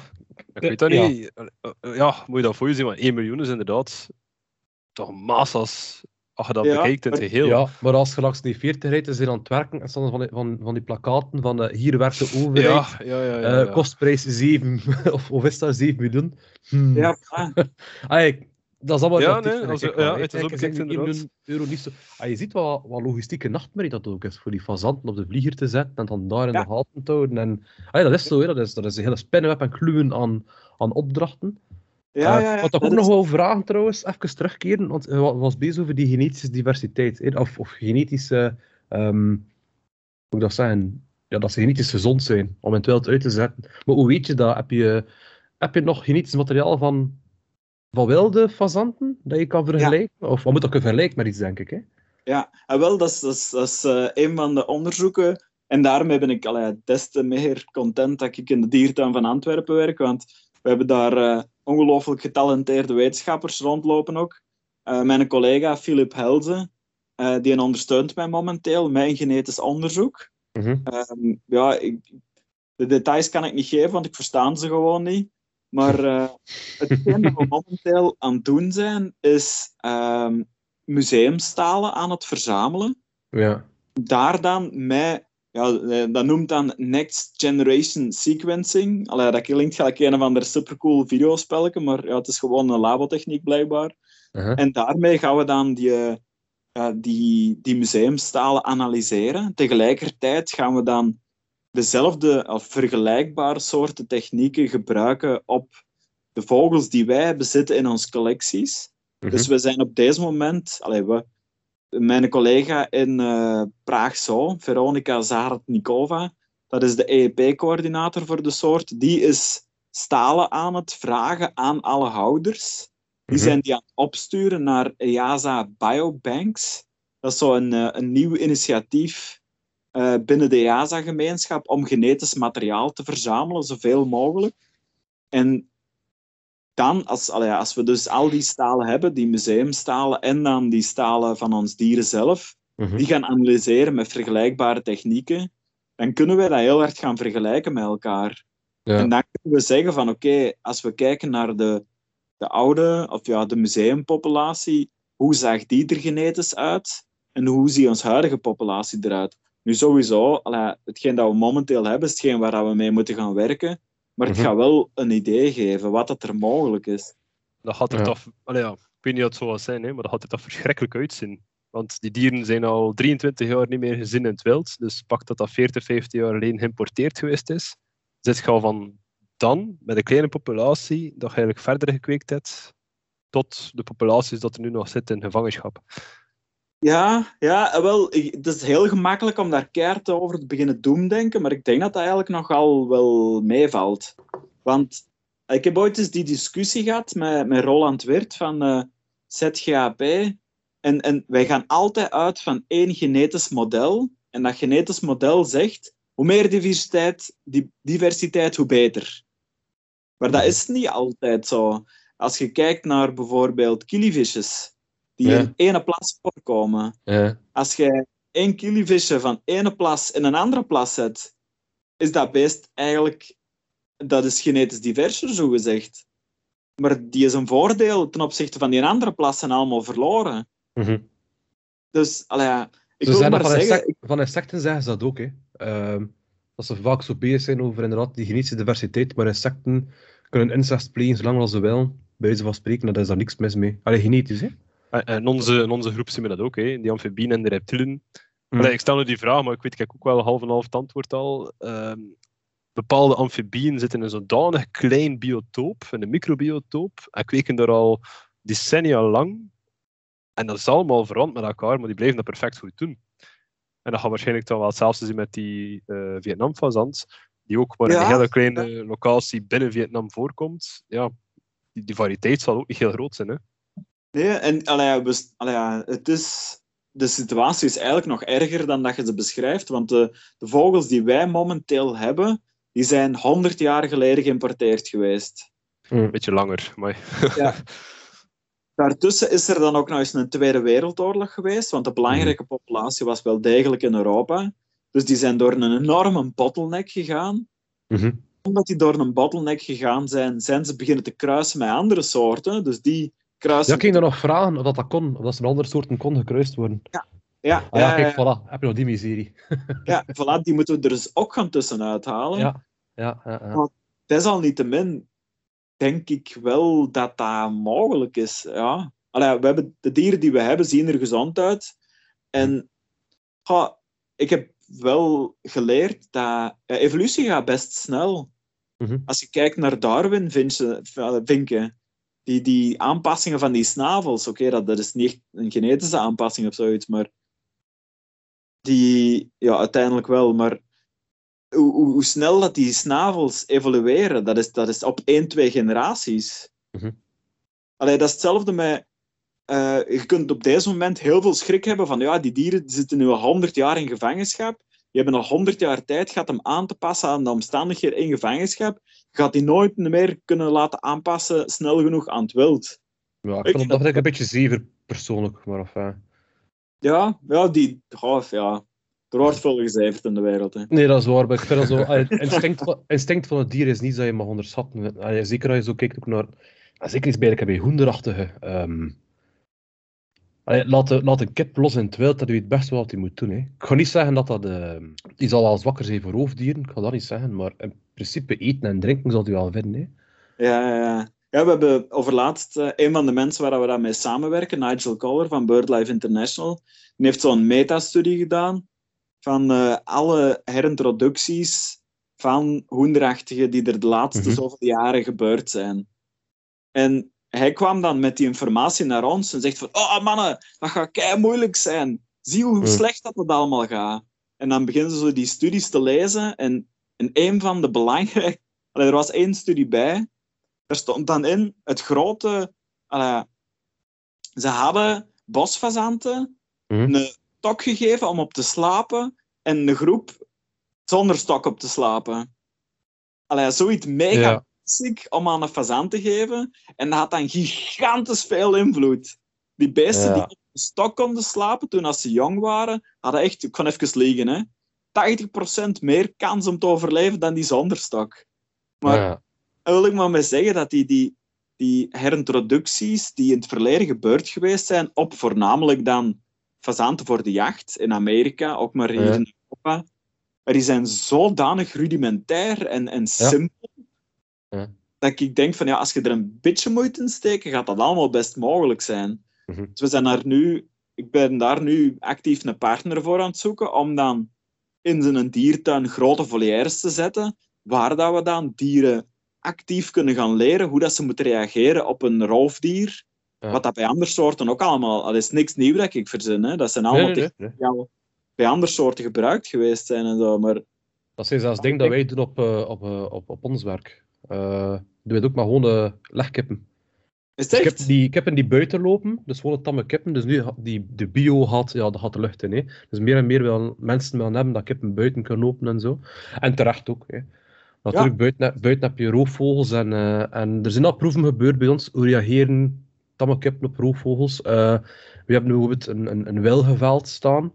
Dus die, de kippen kunnen kiezen tussen een wilgeveld of gewoon een open veld. Dus welke hebben Ja. ze liever? Zo'n proeven doen wij. Dat is allemaal heel basic wel. Maar dat is wel dingen dat landbouwers niet, niet dik bij stilstaan. Want als je bijvoorbeeld kan een welg in je veld zetten, kun je die welg oogsten en verkopen als bijvoorbeeld voor pelletkachels of weet ik veel. Ja, ja, ja. In onze sector moet je er altijd wat hangen. nee. of wat, wat, wat winst. Maar en terecht ook wel een beetje. Nee? Want voor die kip is het beter en voor de boer is het ook beter. Ja. Dus, allee, dat zijn zo, ja, die, die silvopestures noemt dat zeker, hè? de combinatie van... Ja, Ja. ja. ik vind dat zelf ook... Ja, we zijn nu bezig met de hazelaar. Dus eerst Ah, welg en nu, nu bezig met hazelaar. Voor te kijken wat is het effect van die kippen op die hazelaars en zo. Dat is dus allemaal onderzoek die een beetje door elkaar lopen. Maar, maar best wel interessant. Hè. Dat doen we er ook een beetje aan denken. Zo. Eh, heel rudimentair, maar best interessant. Ja, ja en ik denk, allee, ja, silvopastures, als, als ik daar zo wat begin over te lezen, als je naar alle problematiek kijkt met landbouw op deze moment, vind ik dat wel een van de beste technieken Ja. om met allee, de, de problemen rond klimaatverandering Mhm. Ja, dat maakt uw systeem toch echt wel een pak robuuster. Dus ja, ik vind echt Ja. wel... allee, ja, ik snap niet dat niet elke boer dat doet, eigenlijk. Als, Ja, dat is een andere discussie. Is dat, Nee, is dat nee, dat een beetje het, weten ervan? Ik vind het toch Ja, wel. wetendheid is, hè? Ja, en extra werk ook, denk ik zeker. Eh, er ook misschien niet in geloven. Allee, Ja. boeren zijn, dat is, dat, is, dat is van generaties op generaties dat het doorgegeven wordt. En ah, mijn vader deed het zo, dus waarom zou ik het dan anders doen? En allee, ik denk dat het een beetje dat is ook vooral. Alhoewel dat de dag van vandaag dat er wel wat verandert. Hè. Ja, ik vind ook wel dat Ehm, er eh, een verandering in te Maar ze is. moeten ook veranderen, hè, want de mensen pikken het niet meer. Hè. Er komen meer en meer beelden op tv van die plofkippen. En, en, eh, en ik werk met die plofkip. Nee, ik weet dat het in elkaar zit. En dat is niet zo erg als ze tonen op tv. Maar het is wel een feit dat het niet klopt. Allee, moet ik het zeggen? Een kip die in vier weken volwassen is, dat is niet juist. Hè. ja. Als je zo'n als je zo'n dikbel koe ziet, heb je ook wel zoiets van, ja maar, het is makkelijk. Het het hangt daar veel vlees aan, dat is handig, maar dat is geen, geen natuurlijk beest. Hè. Ja. Dus de mensen pikken dan niet meer zo'n ding en eh, het gaat meer en meer eh, naar, eh, naar gewone kippen teruggaan die buiten lopen, die gras op onder de voetjes hebben en zo. Ik denk, het punt dat de Jasper maakt een hele belangrijke is. van- Ik heb ook een maat, en dat is een landbouwer, super sympathieke gast. mhm. Ik heb hem laatst ook eens gevraagd van, ja, waar haalde jij u nu uw informatie vandaan over wat dat jij zelf zou, allee, welke investering dat jij best maakt? ja. En hij zit dan ook van, ja, ja, de boerenbond en zo de... ja, ja. en- ja, maar ja. Ja. En dan. Zo, eh, de mensen die... Allee, ik ben even de naam kwijt, noemt hij. Mensen die zo langskomen om producten te verkopen. Mhm. Ja, die, daar zijn informatie vandaan. Maar dat is toch totaal niet goed? Allee, Maar dat zijn mensen die moeten werken voor hun geld en die dan s'avonds ook niet veel geen zin hebben om nog een, eh, een halve bijbel te lezen over... eh Allee, ik veronderstel dat dat zoiets is. maar moeten wij allee, is dat dan geen taak van de overheid om dat te voorzien? Dat soort informatie vraag ik me dan af. Maar m- mijn werk heeft bijvoorbeeld uh, pluimveeloket, pluimveeloket, varkensloket en rundstloket. Dus als je er vragen over hebt of zo, dan kan je dat daar bellen. Maar Ja, dan moet je uit hun, uit, hun eigen natuurlijk wel die vraag gaan stellen. Hè. ja. Teruggezet met die onwetendheid. Waarom zou je in godsnaam een extra boom zetten in het park met je kippen? Mhm. Maar er zijn van die Dus avonden, is- van die infoavonden dat we organiseren ook. Hè. Je kunt dat regelmatig doen, ze bij ons, infoavonden. Dat er zo'n uitleg gegeven wordt, maar ja, niet iedereen gaat er naartoe, hè, naar zo'n ding. Allee, wij krijgen ook vaak eh uitnodiging voor infoavonden, maar het, het, het, het denkt direct, oh ja, interessant. En dan twee dagen later is het vergeten. Ja, bij mij is dat toch zo. Dat is niet dat wij niet interesseert of zo. Hè. Maar denk dat allee, we zijn een beetje aan het afwijken natuurlijk. Maar aan de andere kant, ik denk dat dat bijvoorbeeld. allee, bij ons is die situatie zo, maar in het buitenland zal dat niet veel anders zijn. Hè. Nee, Eh, nee. Dat zijn ook mensen die, die hard werken en die moeten zien te overleven. En eh, dat is. Ja, dat is een, een uitgestorven fazant. Who gives a fuck? Allee, Dat is cru gezegd, maar voor die mensen is dat wel zo. Hè. Dus is dat wel... Nee, maar is dat wel redelijk werk voor die mensen te overtuigen van kijk, als die fazant ziet, laat dat beest maar rust. Ja, maar ik kan honger. Ja, maar laat het maar rust. ja, ja, ja. Maar stel je voor, dat je woont maar eens in Vietnam en het maar eens een gezin dat je moet grootbrengen. En mm ik snap dat ook best. Hè. Allee, ik, moest ik ooit de keuze hebben de laatste dodo te kunnen opeten of mijn kind te verliezen, dan, uh, ja, dan ja, is het dat. geweest. Hè. Ja, die dodo's, ja. ja. Die had wel een beetje verdiend natuurlijk. maar dat ik nu log gedragen, ja, nee. Sorry. Ja, maar uh, dat niet zo hard. Er zijn duiven nog. Blijkbaar was dat de, is dat de voorouder van een duif of zo, of is dat de familie van? Dus ja. er, zijn er zijn duiven genoeg, het is oké. Okay. maar ik ben nog wel fan van duifjes. Ja? Hm, ja. Moet die als Senegal-tortel zijn? Anders uh, ik weet daar nog plaats komen er veel te veel in. Hè. Ergens in het centrum van Antwerpen, niet? Ja, daar, in de school voor jaren. Uh, ja. Dat is een gerust uitvangen voor je. Als er, uh, ja. uh, als er mensen zijn die dat kunnen gesteund worden als ik zin heb voor zo'n project? Te doneren, kan, kan dat? Of, ja, wel. Ja, ben een visje het voor reclame te maken, hè, voor je. Ja, ja, heel graag. Uh, ja, je mocht altijd contact opnemen. Allee, ik zal de, de contactgegevens doorsturen dan. Uh, allee, Marijn heeft mijn e-mailadres. Uh, heel graag. Maar ik was eigenlijk begonnen met mijn uitleg en dan zijn we heel snel uitgeweid. Ja, mijn excuses eigenlijk, pardon. Hoe zo werkt dat? Hè? Dan gaan we inderdaad niet door de vragen komen.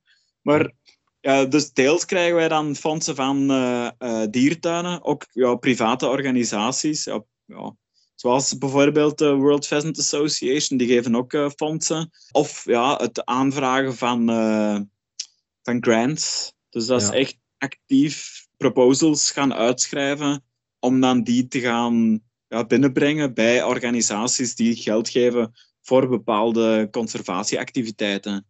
Uh, ja, Mohammed ja, ja, ja, is zo'n hele bekende van. Ik heb er zo nog wel een paar waar dat wel echt wel serieus wat geld van binnengekregen hebben. Maar nee, absoluut. We zijn nog altijd op zoek naar uh, extra partners en uh, elke cent telt. Dus uh, moest, er, moest er iemand zich geroepen zijn om een half miljoen te geven voor een blauw fazantje, dan mogen ze zich altijd melden. Maar een heel schoon blauw fazantje. Dus, ja. ja, nee, maar het is, het is een schoon project. Ik wat je zegt, ehm, heb toch niets beters te doen. dus waarom niet? Dat is, dat is eigenlijk maar allee, een van de projecten waar we dan momenteel mee bezig zijn. We proberen ze ook dingen op te starten voor ja, Hokko-achtige in Zuid-Amerika, waar het dan ook wel echt... Allee, ja. Brazilië staat nog altijd in de fik, jammer genoeg. Proberen we dan ook actief projecten mee op te starten. Voor pauwfazanten zijn we nu ook heel hard bezig. Dat is dan in Azië eerder. En in Pakistan zijn we nu ook met mensen in contact om daar iets te doen rond tragopaans. Dus ja, er is echt zoveel te doen. Dat is ongelooflijk. Dus ja, maar, maak het boeiend. Hè. Houd ons bezig. Ja, ja het zal wel. Klinkt super interessant. Dat is wat de bezig alleszins, hè? Gaaf, ja. Het is ook wel wat frustrerend, want is, om echt zoiets van de grond te krijgen, dat duurt gewoon echt heel lang.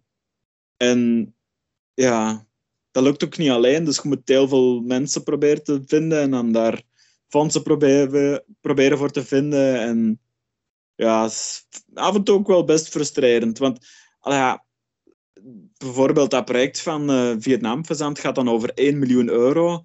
Maar dan zitten ook af en toe proposals uit te schrijven die dan voor misschien een paar duizend euro zijn. En als je dan beseft hoeveel geld dat er in de wereld uitgegeven wordt en mm. rondgaat aan mm. compleet nutteloze dingen, dan denk ik van ja, mannen, allee, wat is er mis met deze wereld? Maar oké, ja, dan, ja. dat ga ik ja, jammer veranderen. Dat nee. Ik, eh, ik ben wat hetzelfde gedacht. Hè. We werken al tien jaar voor SOS, we krijgen geen frank van de overheid. Pas op, maar opletten, het vorig jaar wel. Ja, maar, oh, het is wel iets, iets, begonnen nu. Maar... Ja, het is, het is... Wat we zeggen dat het nog niet genoeg is voor een week of twee. En dan kijk je naar de voetbal en is er een of andere trans transfer gebeurd van wat, 20, 30 miljoen euro. Dat ik zoiets heb van mijn kobaal. En met, met, met, met 10.000 euro zou dat oké zijn voor ons voor een jaar, bij wijze van spreken. dat is wel iets in. Maar zelfs, allee, dat is ongelooflijk. Maar ja, dat zijn... Zegt dat dan tegen een voetballiefhebber en, en ja, je hebt ongelijk, hè. Dus... Ja, een mooi ah, ja, ja. over zo'n dingen. Nee, het is, het is daar. Je kunt maar gewoon je ding doen en, en hopen dat er een keer een, keer een grote vis bijt, zeker. Die zegt van, kijk, hier, Ja. voilà. Maar, Maar er zijn ook zoveel projecten op de wereld. Allee, wel, hij zit nu bezig met, met hoenderachtigen. Maar er zullen wel mensen bezig zijn met kikkers. Er zullen mensen bezig zijn met de... Allee, weet ik veel, zakvogels of, of whatever. eh, primaten. Ja, ja, ja. En die staan allemaal met een bekertje klaar. Hè. Het is schudden achter geld. Absoluut. Absoluut. Dus, eh, En ik denk dat eh, op deze momenten de amfibiecrisis waarschijnlijk de grootste is. Hè? ik denk het die wel. eigenlijk het meeste aandacht verdient. En als je dan gaat bekijken hoeveel aandacht dat die soorten echt krijgen, ja, dat is minimaal. Hè? Ja. Is schandalig. Maar ja. Ja. Maar het is wel een beetje, de- like of, dat, of dat je vertaalt met Vietnam-fazant, is dat dat ja, beschermt de fazant, maar beschermt ook alle soorten die in dat biotoop leven. En dat is... Ja. Dat maakt het ook Alles. goed. ja, Je maar- meer dan één dier, hè. Het is dat. Ja, maar dan heb je weer die mottige schimmelziekte bij die amfibie- amfibieën. En dan, dan weet ik dan niet 100% zeker dat dat klopt of niet. Dat, dat is er sowieso nog wel, dus ja. Dus, Ja. ik weet niet of dat niet meer nodig is als hetgeen dat we- Maar als je daarover begint na te denken, dan slaapt je deze nacht niet. Ja, het is, het is dat. Ik bedoel, je hebt, men- andere mensen die bezig zijn met de kikkers. eh, hij is bezig met de fazanten. Dus, allee, elk heeft zijn eigen probleem nog genoeg, zeker. Allee, als we nog met wat van anderen moeten inzetten. Ik weet dat eh, de faculteit van Middelbeek is bezig met interessant onderzoek over die eh, schimmel bij, bij salamanders. We hebben er twee, hè. Je hebt er één voor kikkers en één voor salamanders, blijkbaar. Goh, daar ben ik niet genoeg verdieping Dus, in. dus, dus dat dan ook nog een keer, dat er nog een twee zijn. En eh, ja, het is wel een redelijk serieuze crisis. Maar is dat de zwaarste? Nou, Wel, ja, ik denk dat ik heel de wereld een beetje in een zware crisis zit voor het moment. Ja, zal ook wel niet zo goed zijn en zo. Dus. Nee, nee. Ja, we hebben het net al gezegd, de grote massa-extinctie. Aan de andere kant is ontdekken alle dagen wel nieuwe soorten. Ja, voor de podcast kijken we ook eens over wat nieuwe soorten een keer af en toe te bespreken. En dan allee, je ziet er wel regelmatig passeren. En dan denk je van, maar ja, ça va wel nog. Maar ja, eigenlijk, eigenlijk, ja. Eigenlijk niet, ja er sterft nog al veel te veel. En er gaat sowieso wel een natuurlijke selectie zijn. En je gaat soorten verliezen dat je niks kan aan doen. Maar er is nog heel veel dat wel te zien heeft met menselijk doen. Mhm. Dus dat wij wel iets voor tussen zitten en dat je dat kunt iets wat gaan terugdraaien of wel gaan beschermen, ja, dan moet je dat ook gewoon doen. Vind ik. Ja, ja, nee, je hebt gelijk. En wat ik nog wil vragen heb, het stond ook in de vragen, hè, eh, wat dat je mening was over het houden van bijvoorbeeld dergelijke dieren eh, particulier. Want ik, ik wist het niet dat blijkbaar ook dus de Vietnam-fazant particulier gehouden werd. Ja. We hebben op de podcast een keer een discussie gehad over de, de dove varaan. Ja, Ik weet niet of dat Jasper daar iets over vertaald heeft. Eh ik misschien heb wil het dus- verhaal nog een keer kort vertalen. Jasper, Ja, over ik-. Ja, ja het, is, het is gewoon, ehm, de dove varaan was, was eh, niet te vinden binnen, binnen particulieren. Plotseling is er waarschijnlijk een bepaald eh, habitat ontdekt, zodat er wel een aantal zaten. Is er plotseling een hele grote export geweest en worden er heel wat houders ervan. En dan is de vraag van, ja, maar ja, oké, dat is heel tof dat je plotseling een soort binnenkrijgt dat je eigenlijk niet kan verkrijgen. Maar is dat wel verantwoord dat je dat dan ook koopt of doet en houdt? Want dat is, het, dat is dier die wel degelijk, ja, dat zit enkel maar ehm, binnen Borneo. En wordt praktisch niet gevonden. Is dat dan correct voor die dieren dat weg te vangen, of dat dan eigenlijk particulier te kunnen houden? ja, ja. Ik, heb ze, ik heb ze gezien in Budapest. Een prachtige soort wel, hè. Ja, ja, ja, ik- ben een hele grote fan ervan. En mocht ik ooit de kans krijgen, ga ik ze ook wel houden. Maar het is, Ja. het is ja, waar zit je dan correct? Hè? Ja, ja. Maar dat is wel, het, is, het is anders dan, dan, dan natuurlijk die, die eh, Vietnam-fazant. Want ja, dat is, we- spreken nu van jou van iets van, van inderdaad 100 jaar terug. Hetgeen dat wij nu over spreken is, is wat, dat in 10 jaar terug. Ja, allee, sowieso. Beesten uit het wild halen, zeker zeldzame beesten uit het wild halen. Als je kans hebt om die populatie daar te gaan kwetsen, zou je dat nooit toelaten. Nu, die soort zit... Allee, zou ik het nooit goed praten. Daar ben ik absoluut geen fan van. Nu, stel dat die soort in gevangenschap zit en je weet dat door die soort ja, te gaan houden, dat je niet de verdere smokkel zou stimuleren. Als je al in zo'n fase zit. Want ik weet niet of dat nu nog mogelijk is om wildvang van die beesten te verkrijgen. Waarschijnlijk niet. Normaal gezien was dat ook niet de bedoeling. Borneo staat volledig blok, dus niemand kan daar export van dieren doen. Maar ja, Dus er is, er, iets gebeurd, er is er iets gebeurd van... eh allee, ja. Ja, maar Ja, allee, je, je hebt dat bij vogels ook wel af en toe. Zeg. Dat was een paar jaar geleden. We hebben ze in een diertuin van Antwerpen ook zitten. De zwarte-witte gaaienlijster. Een van mijn absolute favorieten. Ehm, er is ook een kweekprogramma voor, waarbij een aantal vogels, ja, een relatief laag aantal vogels zijn ze daarmee gestart. En ik denk een tien jaar terug of zoiets is daar ook een import van geweest. En ik zeg non-import, want ja, waar komen die beesten inderdaad van? Hè? Nu, die dieren zitten momenteel in gevangenschap in Europa. Een verdere mogelijkheid is er volgens mij niet om die dieren nog eens terug te gaan importeren. Allee, of, dat zou heel gek zijn, alleszins. Maar de dieren zitten er momenteel wel. Dus Ja. ik ben wel niet tegen het houden van die dieren of die dieren bij in dat stadboek te gaan nemen. Ja. Maar als je weet van oké, als ik deze dier nu ga kopen, dan ga ik de, de, de verdere markt bij aandrijven. Ja, Ja. dan zijn we wel bezig, vind ik. Allee, ik denk dat daar voor mij zo wat kantelpunt zit. Maar hoe weet je, dat is natuurlijk ook een moeilijke. Hè? Allee, Ja. wat is jullie mening? ja, dat is een moeilijke. Hè? Het doel van die dove varaan uit het wild halen toen was die particulier kunnen houden. Ja, dat is gewoon geld. je ja, geld. En die Ja. Maar dat was vroeger, heb- was vroeger met die fazant ook zo. Hè. Dus het is wel 100 jaar geleden, maar die Vietnam-fazant is ook met die, voor die reden gehouden. Hè. Goh, dat Ze weet hadden ik toch niet. nooit uit het wild gevangen hebben voor te zijn om al die soort te redden. ja, dat is Mm, bezig over 100 jaar geleden. Ik bedoel, pff, ja, dat was, ja, ja. ja, Dat ja. was toch een hobby Ja. dan? Dat is, dat is 1920. zoiets, ja, 1923, 1926. Ja, dat zijn de laatste. hè. Ik bedoel, ervoor Huh? Mensen houden omdat het kon. Hè. Allee, Mhm. ik, ken, ik ken nog een kuisvrouw had in het Sea Life en haar pa was eh, visser en die bracht een aap mee hè, op zijn vissersboot van op de Mhm. vorige trip. Dus die komt thuis met een aap, puur omdat het kon. Hè. Staat daar niet bij stil. Hè. Dat is niks met geldmarge, dat is gewoon wat het kan. Ja. Ja, oké, ja, klopt. Ja. Maar ja, wat is, wat is mijn punt over heel dat ding? Als er een populatie is die het goed doet, blijft er gewoon af. En laat het Ja. gewoon gaan like dat is. Dat dier zit dan goed. En het is, je dat wel zin moet je maar op reis gaan en hoop nooit vindt. Maar Mhm. om het te gaan importeren, puur voor jezelf, of puur te kunnen, puur te kunnen kweken en daar geld uit te gaan, ja, dan, dan zijn je verkeerd bezig. Nu, de omgekeerde, eh, allee, het omgekeerde deel dat, dat Jan nu mee bezig is, dat zijn de dieren die er al zitten en in het wild is het er niet meer. Vind ik dat volledig correct. En stel, stel, stel dat er wel nog een kleine populatie zou gevonden worden, denk ik dat het wel belangrijk is dat die gecontroleerd kunnen worden en dat er daarmee bepaalde kweek kan voorzien worden om die genetica eigenlijk goed te kunnen houden. Ja, allee, want, allee, om dan terug in mijn wereld te stappen. Wij werken momenteel, wij proberen iemand te ondersteunen in Zuid-Amerika die bezig is met een bepaalde ondersoort van de spotwinged woodquail. Ja, het is een gigantisch lange wetenschappelijke naam.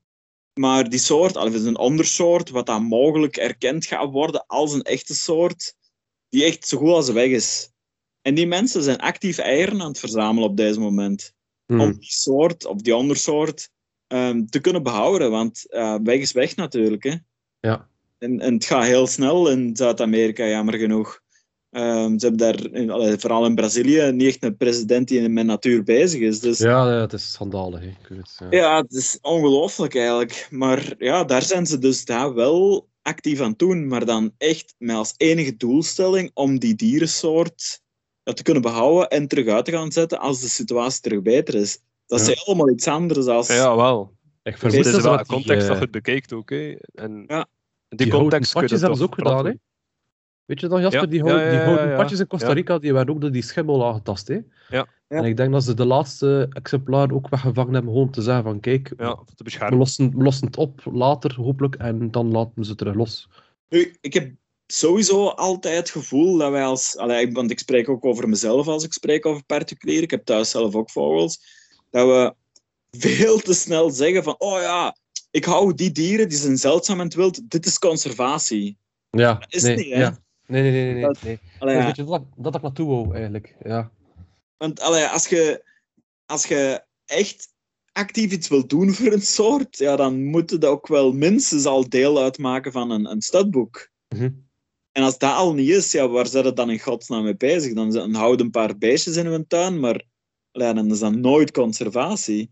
Dat is ook nergens Ja. naartoe leidt of, of Stel dat, je georganiseerd. er, stel dat je ermee kweekt, een conservatiewaarde. Het is niet dat je die dieren gaat doneren aan een of ander conservatieprogramma om die te gaan helpen. Hè. Als je kweekt met een bepaalde soort die zeldzaam is, het eerste wat je gaat doen is oftewel zelf houden, oftewel gaan verkopen.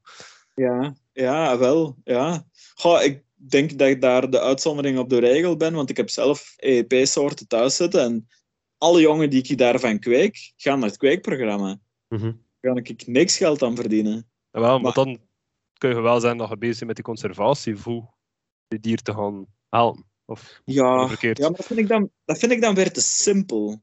Want ja, er is zoveel te doen binnen een conservatieprogramma, is zoveel meer als de individu die een dier in zijn, allee, ja, in zijn Ja, tuin ja, ja. In een diertuin houdt of, of, of in een aquarium ergens in zijn living houdt of zoiets. Mhm. dan het, ja, we hebben heel vaak zo van die, eh, hoeveel presentaties dat ik al gegeven heb over die Vietnam-fazant. Ik kan ze echt al niet meer op twee handen tellen. Maar heel vaak de vraag die ik na zo'n presentatie krijg is van, ah ja, wij willen wel meehelpen. Wij willen een koppeltje zetten. Ja, ja, ja. Ja. Ik, heb, ik, heb, ik heb niet nodig dat jij een koppeltje zet. Ik heb 10.000 euro nodig. Hoeveel ga Ja. jij betalen voor die volière? Allee, Ik snap volledig wat hij, wat hij bedoelt. Ja. Ja. Want dat is altijd hetzelfde als wij, eh, als wij ergens in de krant komen met iets, mag zij wat het wilt, krijgen we altijd zo diezelfde mails terug. hè, Van, ah, wij willen maar helpen, we willen een rustig landschildpadje adopteren. Maar het gaat hem niet om dat één dier, het gaat hem echt voor het feit dat we geld nodig hebben. En wat er voor een schildpadje te adopteren, ja oké, eh, we krijgen er rond de euro voor, maar we hebben er kwijt veel werk in gestoken. Geef ons Ja. gewoon 10.000 euro het is... Allee, Ja. ik, snap, perfect wat je wil zeggen. Maar Ja. aan de andere kant is de basis wel gelegd. Zo, ik, bijvoorbeeld, ik zelf zit in een, eh, een, ehm, een schildpaddenvereniging. En die zijn zelf begonnen met eigenlijk alle, bijvoorbeeld Griekse landschildpadden, dat is een hele grote groep, hè, Griekse landschildpadden, want je hebt er wat de, eh, een ondersoort die enkel in Bosnië zit, een ondergroep in Sicilië, bla bla bla. Natuurlijk, vroeger werd er nooit achter gekeken en kweekt dat maar onderling door elkaar. Hè. Maar die, zijn echt, nu- die beginnen te kijken voor genetisch welke is wat. Ja, cool. Amai, vet. En een soort van, die hebben een soort van stamboek opgericht van, kijk, wie dat die soort zit heeft en die is zuiver, en wel, kan enkel maar kweken met die mensen die die ook heeft, die ook zuiver zijn, en dan zo proberen eigenlijk. En ik denk niet dat die echt bezig zijn met uitzetten in het wild, maar wel een soort van, van dataverzameling. Van stel dat het ooit nodig is, dan weten ze tenminste van, oké, die mensen hebben die zitten en die zijn niet die zuiver en bla bla bla, bla. Dus dat vind ik op zich wel interessant. Ja, Maar dat is mensen kweken dat ook maar gewoon en verkopen die schildpad ook maar gewoon naar een particulier. En die zeggen erbij van, kijk, dat is een stamboekdier. Maar als die een particulier op zijn beurt zegt van, I don't give a fuck, en kweekt dat maar, allee, maar iets anders, wel, dan is het gepasseerd, ja. Ja. Ehm, ik denk dat dat... Allee, ja, want door op die manier te werken, en dat zien wij binnen het fazantenwereldje ook heel fel, creëerde eigenlijk een, een, een, een keurmerk voor je dieren waar dat mensen actief naar op zoek zijn. Ja. Dat is... allee, wij werken nu heel hard samen met de World Pheasant Association. Die hebben een hele tijd geleden zijn die gestart met, volgens mij zijn ze initieel gestart met goudfazanten. Dus de simpelste fazant die er maar bestaat. Maar die zijn een serie gestart, de 5000-serie. En dat zijn dan goudfazanten die morfologisch heel dicht bij de wilde goudfazanten aanleunen. Ja, wat die zal waarschijnlijk kapot gekweekt zijn, die kan die heel Ja, ja, ja, vast- voilà. ja, en gekruist met Lady Amherst en weet ik veel wat Ja. allemaal. En verschillende kleurslagen. En, maar Ja. ineens moest iedereen die een 5000-serie hebben. Hè. Niemand moest nog die andere hebben. Hm. Dat was iets exclusief en dat was nieuw. En, en dat was, ja, iedereen moest dat ineens hebben. Hè. Dus eigenlijk door het, het, ja, het probleem om te vormen tot een sterkte, kun je het gewoon oplossen. Allee, het, het, hetzelfde zien we nu ook. Allee, dat is een ander programma, ook van de, de mensen van de World Pheasant Association. Die doen dat met tragopans. Die zijn ook, dat zijn drie eh, heel veel voorkomende soorten. De, de temmink, de satyr en de soms voorkomende kabbeltragopaan. Maar die kunnen ook onderling kruisen. Dus hebben ze een Hmm. genetisch onderzoek op gedaan. Dan hebben ze zuivere lijnen bepaald. En die krijgen allemaal een TR-ring. Want tegenwoordig kun je amper nog een, ta- een tragopaan verkocht krijgen die geen een TR-ring heeft. Dat is toch schitterend? Hm. Ja, het is zo dat het moet gaan eigenlijk. Hè. Ja. enkel nog maar de zuivere soorten kan verkrijgen. En dat is gewoon door die stempel erop te drukken van, oh man, deze is wel iets apart. Oh, die andere, ja, nee, dat is maar iets gewoon. En Hm. Op die manier roerde, allee, roeide eigenlijk het probleem gewoon uit. Dat, ik vind dat schitterend. Die mannen doen echt keigoed werk. Het is ook een feit, ik weet niet hoe dat, dat zit bij vogels, maar ik, bij, bij ons, bij reptielen, eh, ja. Ja. bijvoorbeeld de koningspython. eh, ja, ik wou ook koningspython aan, is- aan het denken. Ja, hij is voor de, dus voor de volledig- oost terug. Ja, ik heb dat nooit eens meer goed krijgen, denk ik. Nee. Dat is kap- kapot gekweekt. Hè. Kleurslagen, schuploos varianten zelf. Dat, dat geldt trouwens ook bij, bij de korenslag, bij de baardeham. Schuploze varianten, rood, wit, whatever. Als je zet er een wilde baardeham naast, dat is een totaal ander dier geworden. Ja, ja en dat is... ja, onlangs hebben we het een keer gehad, hè. echt nog stamboek tijgerpythons, eh koningspythons. Die komen van de zoo. Nee. Ja, ik was Ja. ik het vertelde was, was ik aan het denken. Ik dacht zo. Ja, was- ja, ja. We hebben nog een echte wilde koningspython eh, Ja. zitten. Nee, een koppeltje eigenlijk. Maar dat ziet er wel tot, totaal anders uit. Hè? Ja, En je mag zeggen wat je wilt, met al die albino-varianten en kleurvarianten, die zijn zwakker. Vooral bij, het is dat ik me afvraag of dat bij vogels ook zo is. Bij reptielen is dat zo, die zijn zwakker. Ze zijn kleiner, je hebt er altijd miserie mee, veel sneller ziek.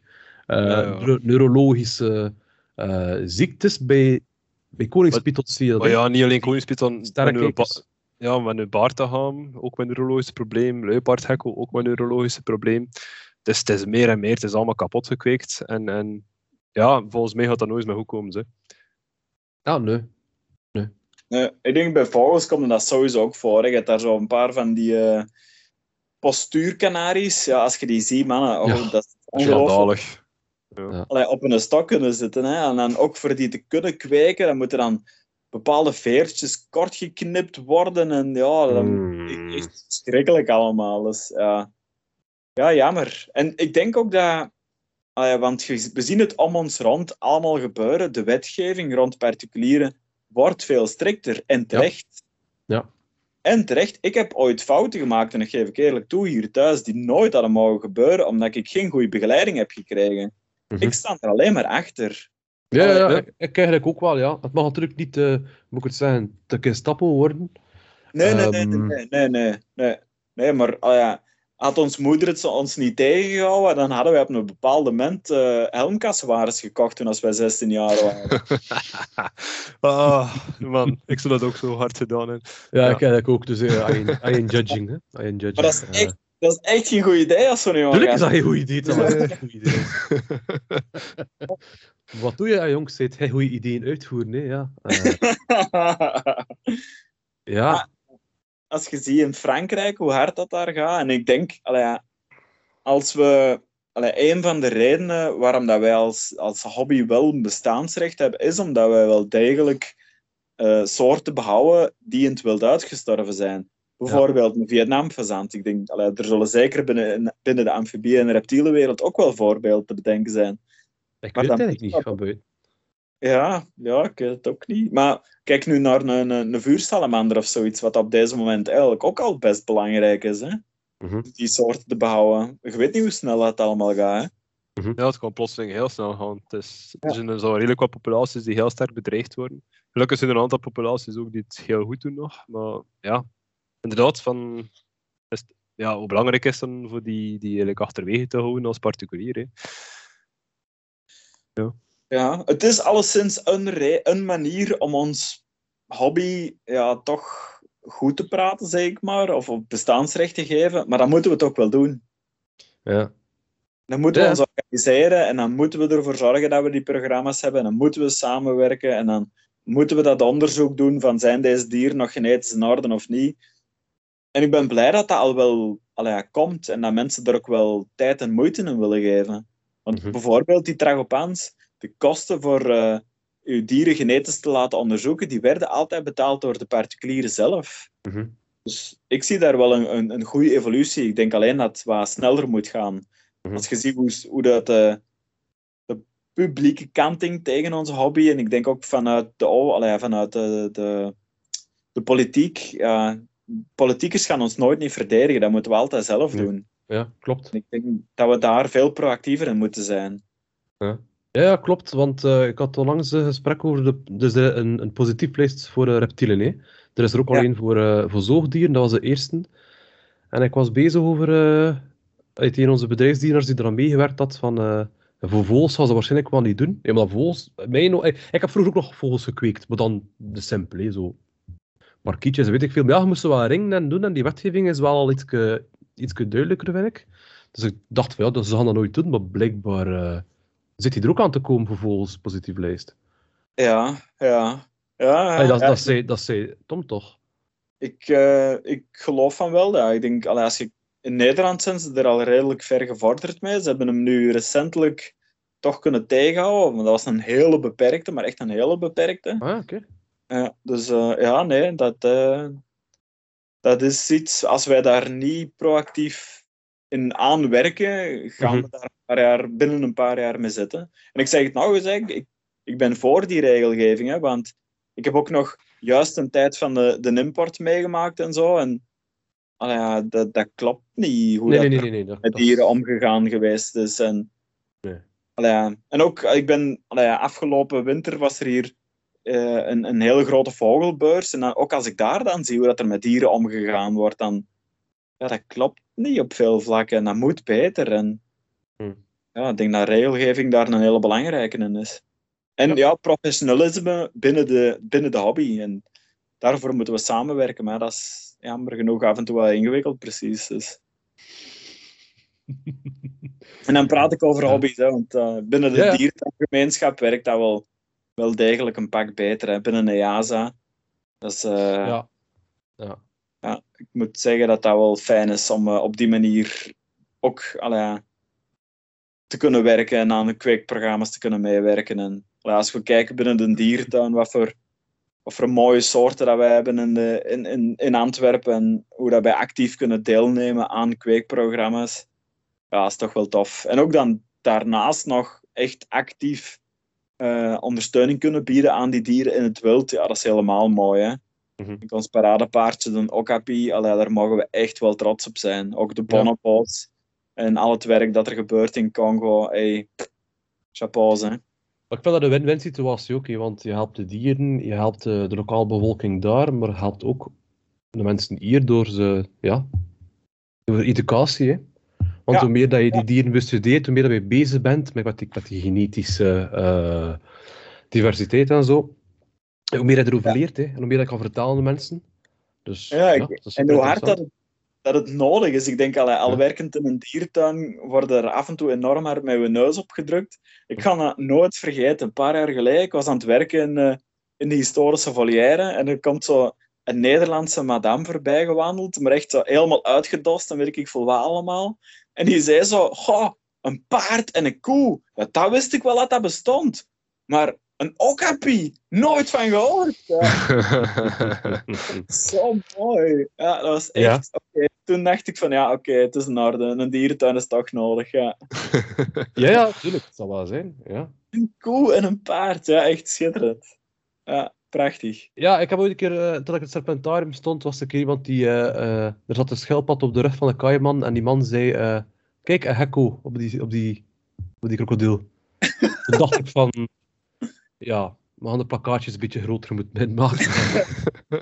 Hey, het feit dat je al het woord gekko komt, kent, vind ik toch wel Ja. wel een straf. Dat is eigenlijk. het dubbele, hè? Dat is eigenlijk... Ja. like, ja, ja, een slim en dom. Ja, ik weet niet. Of je dat Goed. twee hokjes daarvoor toevallig het woordje gekko gelezen. En, ja. Ah ja. Oh, waarschijnlijk wel.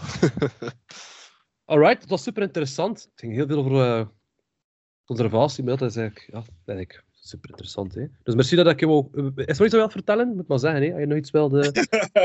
nee, dat je er iets zeker nog iets wat tussen smijt, dat je vergeten bent of zo, dat je belangrijk vindt. Niet per se, nee. nee.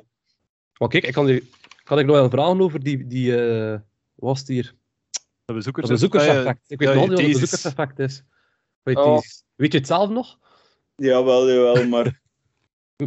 Ah, eerlijk, het enige wat ik echt uit mijn thesis geleerd heb, is dat je data aan alle kanten kunt wringen gelijk je het zelf wilt.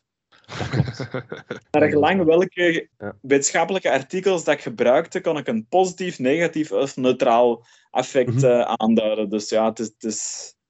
Maar ik moet zeggen dat de Congopauwen eh, we hadden een, een voornamelijk neutraal effect. En af en toe een positief, een beetje negatief. Maar het, was, ja, het viel echt wel mee voor die Congopauwen. wil gewoon zeggen dat ze de stress dat ze ervaren eh, door te veel volk of zo. Dat is, dat is dan dat. Ja, ja, ja. dus ik Ja. heb echt gekeken naar. Wacht, hè. hoeveel mensen zijn er aanwezig binnen, eh, op een dag binnen een diertuin? Hoeveel mensen passeren er voor bij het verblijf? Hoeveel mensen blijven er stilstaan? En dan heb ik gekeken naar het gedrag van de Congopauwen. En dan kon je bijvoorbeeld zeggen van ja, eh, als ze eten, dat is neutraal gedrag. Als ze heen en weer tegen een draad aan het lopen zijn, Mhm. dat is negatief gedrag. Als ze aan het balsen zijn, dat kunnen misschien, of, of, of ze hebben, eh, er is gedrag waarbij dat ze paring of zo aan, aan, aan het doen zijn, dan kun je zeggen dat is een positief gedrag. Want dan voelen ze zich eigenlijk duidelijk goed. Ja. Eh, Ja, ja. aan de hand van al die parameters kun je dan zeggen van ja, het is positief of negatief of neutraal. Ja, Maar- lijkt me interessant. Maar het was niet, niks spectaculairs eigenlijk te zien bij Nee, die. Congo Dus. Nee, nee, nee. Ik denk dat dat veel belangrijker is bij mensapen eh, dan Ja. dat dat gebouwen zou kunnen zijn. Dus Ja, ja, ja. daarmee dat ik het ook best oké vind om vogeltjes in kooien te steken. Ik denk dat die hun leven echt wel heel vol kan zijn. Ja, ik heb ook wel dat gevoel. Als je inderdaad de foyeres bij de vogelbouw doet, dan heb je er eigenlijk heel vogels die echt wel duidelijk stress kan zijn. Het, er wel een aantal nerveuzere eh, soorten die wel heel rap wegspringen, maar in het algemeen... Nee. Nee, en, je hebt er zo een paar die echt, ja, gelijk zeevogels of zo, die dan echt gewoon puur door de manier waarop dat ze leven, ja, dan is dat op die manier misschien wel niet zo goed om die te houden, omdat ja, als je bijvoorbeeld pijlstormvogel of zo in gevangenschap zou steken, ja, die moet dan 90% van zijn tijd op een zitstok zitten, terwijl dat die anders 100% van zijn tijd aan het vliegen zou zijn, ja, Ja. die pootjes die gaan eronder door, die zijn er gewoon niet voor gemaakt. Dus in dat opzicht zijn dat dan absoluut geen geschikte dieren om in gevangenschap beschermd milieu te gaan houden. Maar je hebt er heel veel ander. Ja, als je dat bijvoorbeeld ziet, zo'n kolibrie in Zuid-Amerika, ja, dat leeft rond één struik. En dat is die struik die hem verdedigt. Ja. En daar houden we het zo wat voor op, voor dat beestje. Ja. Ik denk, ja, voor heel veel van de soorten die wij hebben, als eten, drinken eh, en een partner en een, een nestmogelijkheid in de buurt is, dan zijn die wel voorzien in hetgeen dat ze nodig hebben in hun leven, denk ik. Als dat dan Ja, verdedigbaar is ook nog, dan denk ik dat helemaal content zijn. Ja, maar ik denk dat de meeste allee, mensen die, zo, die dat tegenin zijn, zo'n beetje te veel antropomorfistisch denken ook. Die hebben zoiets van, ja, ik kan gaan naar stad waar ik wil, maar dat volg ik u niet. Ja, er zijn een aantal dieren die je echt niet in gevangenschap mag houden. Ik mensapen is een beetje lastig al, vind ik. Dolfijn zeker. Eh, Ja, dat is zo dieren in het ja, algemeen. zeezoogdieren vind ik al heel gevaarlijk.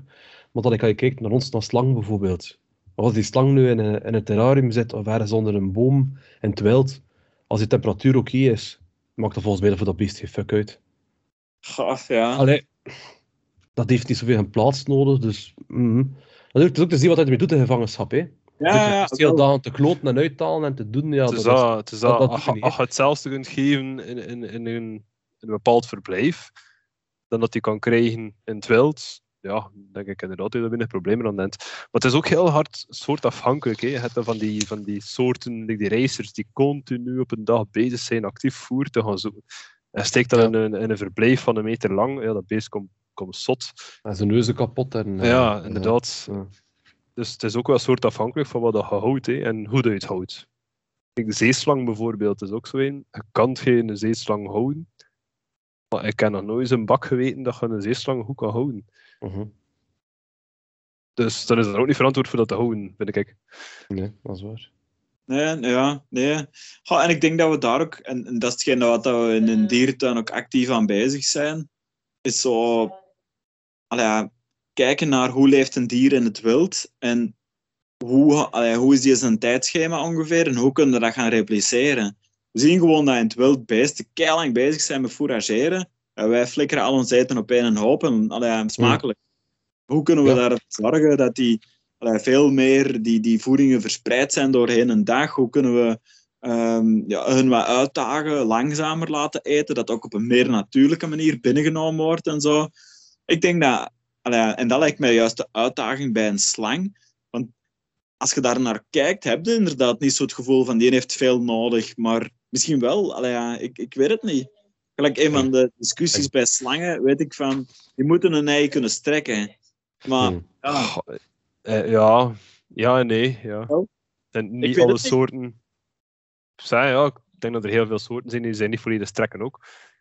Als je van die boombewonende slangetjes hebt, ik heb nog nooit een boombewonende slang geweten die volledig gestrekt ligt. ja, ik ook niet. Maar ja, ik vind dat wel boeiend. Allee, ik, ik vind dat we ons eigen ook moeten uitdagen daarin en durven nadenken van oké mannen, allee, hoe kunnen we hier echt het onderste uit ons kan halen om ons beesten het zo goed mogelijk te laten hebben. En ja, ik denk dat daar nog wel wat winst te behalen valt. Wat, het is toch al veel beter dan vroeger alleszins. Hè? Er is al een serieuze inhaalbeweging gebeurd hè, in de dierentuin. Dus Ja. eh, zel- zelfs in de landbouw zelfs. Als je dat bekijkt nu, de varkensstal, eh, het is nog niet oké, ik ga dat niet zeggen. Eh, maar het ziet er al helemaal anders uit dan vroeger hoor. Bij werken ze ook redelijk bezig met verrijking. Bij, eigenlijk bij alles, bij de koeien, bij de varkens, bij de kippen. Dus Ja. dat is niet hetzelfde als, als, in een zoo, hè, verrijking, maar, maar het gaat er toch al een beetje naartoe. Ja, ja, maar we zijn goed bezig, hè, maar ik denk dat er nog wel ruimte naar boven is. En ik vind dat we daar gewoon altijd naar moeten strijven. En, allee, dat Ja. is de uitdaging die we in ons shop moeten zoeken, vind ik persoonlijk.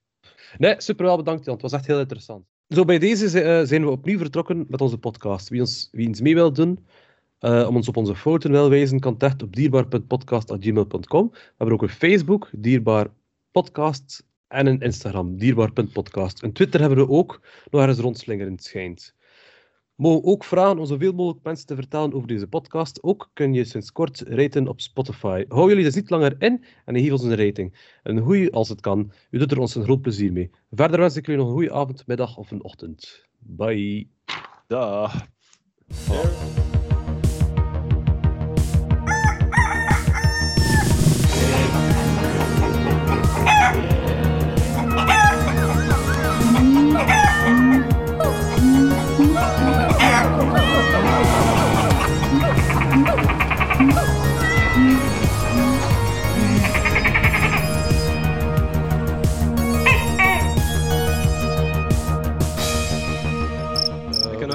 Één puntje, maar één. Ja? Dus de, de collega's wisten al dus dat er gesprek op met Jan. En ze hebben gevraagd voor zeker A in te spreken. Omdat er Ik heel veel mensen, heel veel niet. mensen verstaan onze podcast niet en we kunnen dat niet ondertitelen. Dus eh, In feite kan dat wel ondertitelen als het op YouTube komt. Maar ja, dat is... eh, Maar we Dat is voor later, dat is voor later, ons best doen, hè. Ja, ik denk dat hij, hij en ik een beetje hetzelfde zijn daarin, Jasper. Dat ABN is niet zo... niet 100%, nee. Nee, nee, ça va, ça va. Dat komt een... eh, dat komt Is dat serieus? En dat commentaar op? Ah, commentaar, het is nacht. Ja, ja, ja. ja het kan, eh, wel, Sarah, Jan had dat weten, eh, Sarah luistert ook blijkbaar naar onze podcast en ze heeft gezegd, ik ben echt gestopt na een bepaalde periode, omdat ik jullie zo slecht versta. Maar ik snap dat wel, ze. maar dan aan de andere kant heb je zo, like, Antwerps of zo, dat is soms ook lastig zo, voor te volgen. Van de echt plat. Ja. ja, dat is waar, maar het zijn er niet zo heel veel op het werk die echt plat Antwerpen Nee. Ja, heel weinig eigenlijk zelf. Ik denk Ja. dat wij al tijdelijk aan inspreken. Ja, ja, ja, ja, Ja. dat is waar. De meeste Ja, collega's oké. verstaan ook. Ik ga mijn best doen, maar ik, bijvoorbeeld, ik heb een, een intro geschreven en dat is in, in het AN, dus het begin zal goed zijn, denk ik, maar dan de rest ertussen. de rest we moeten opletten. hè. Eh, ja, nee, goed punt. Oké, ça va.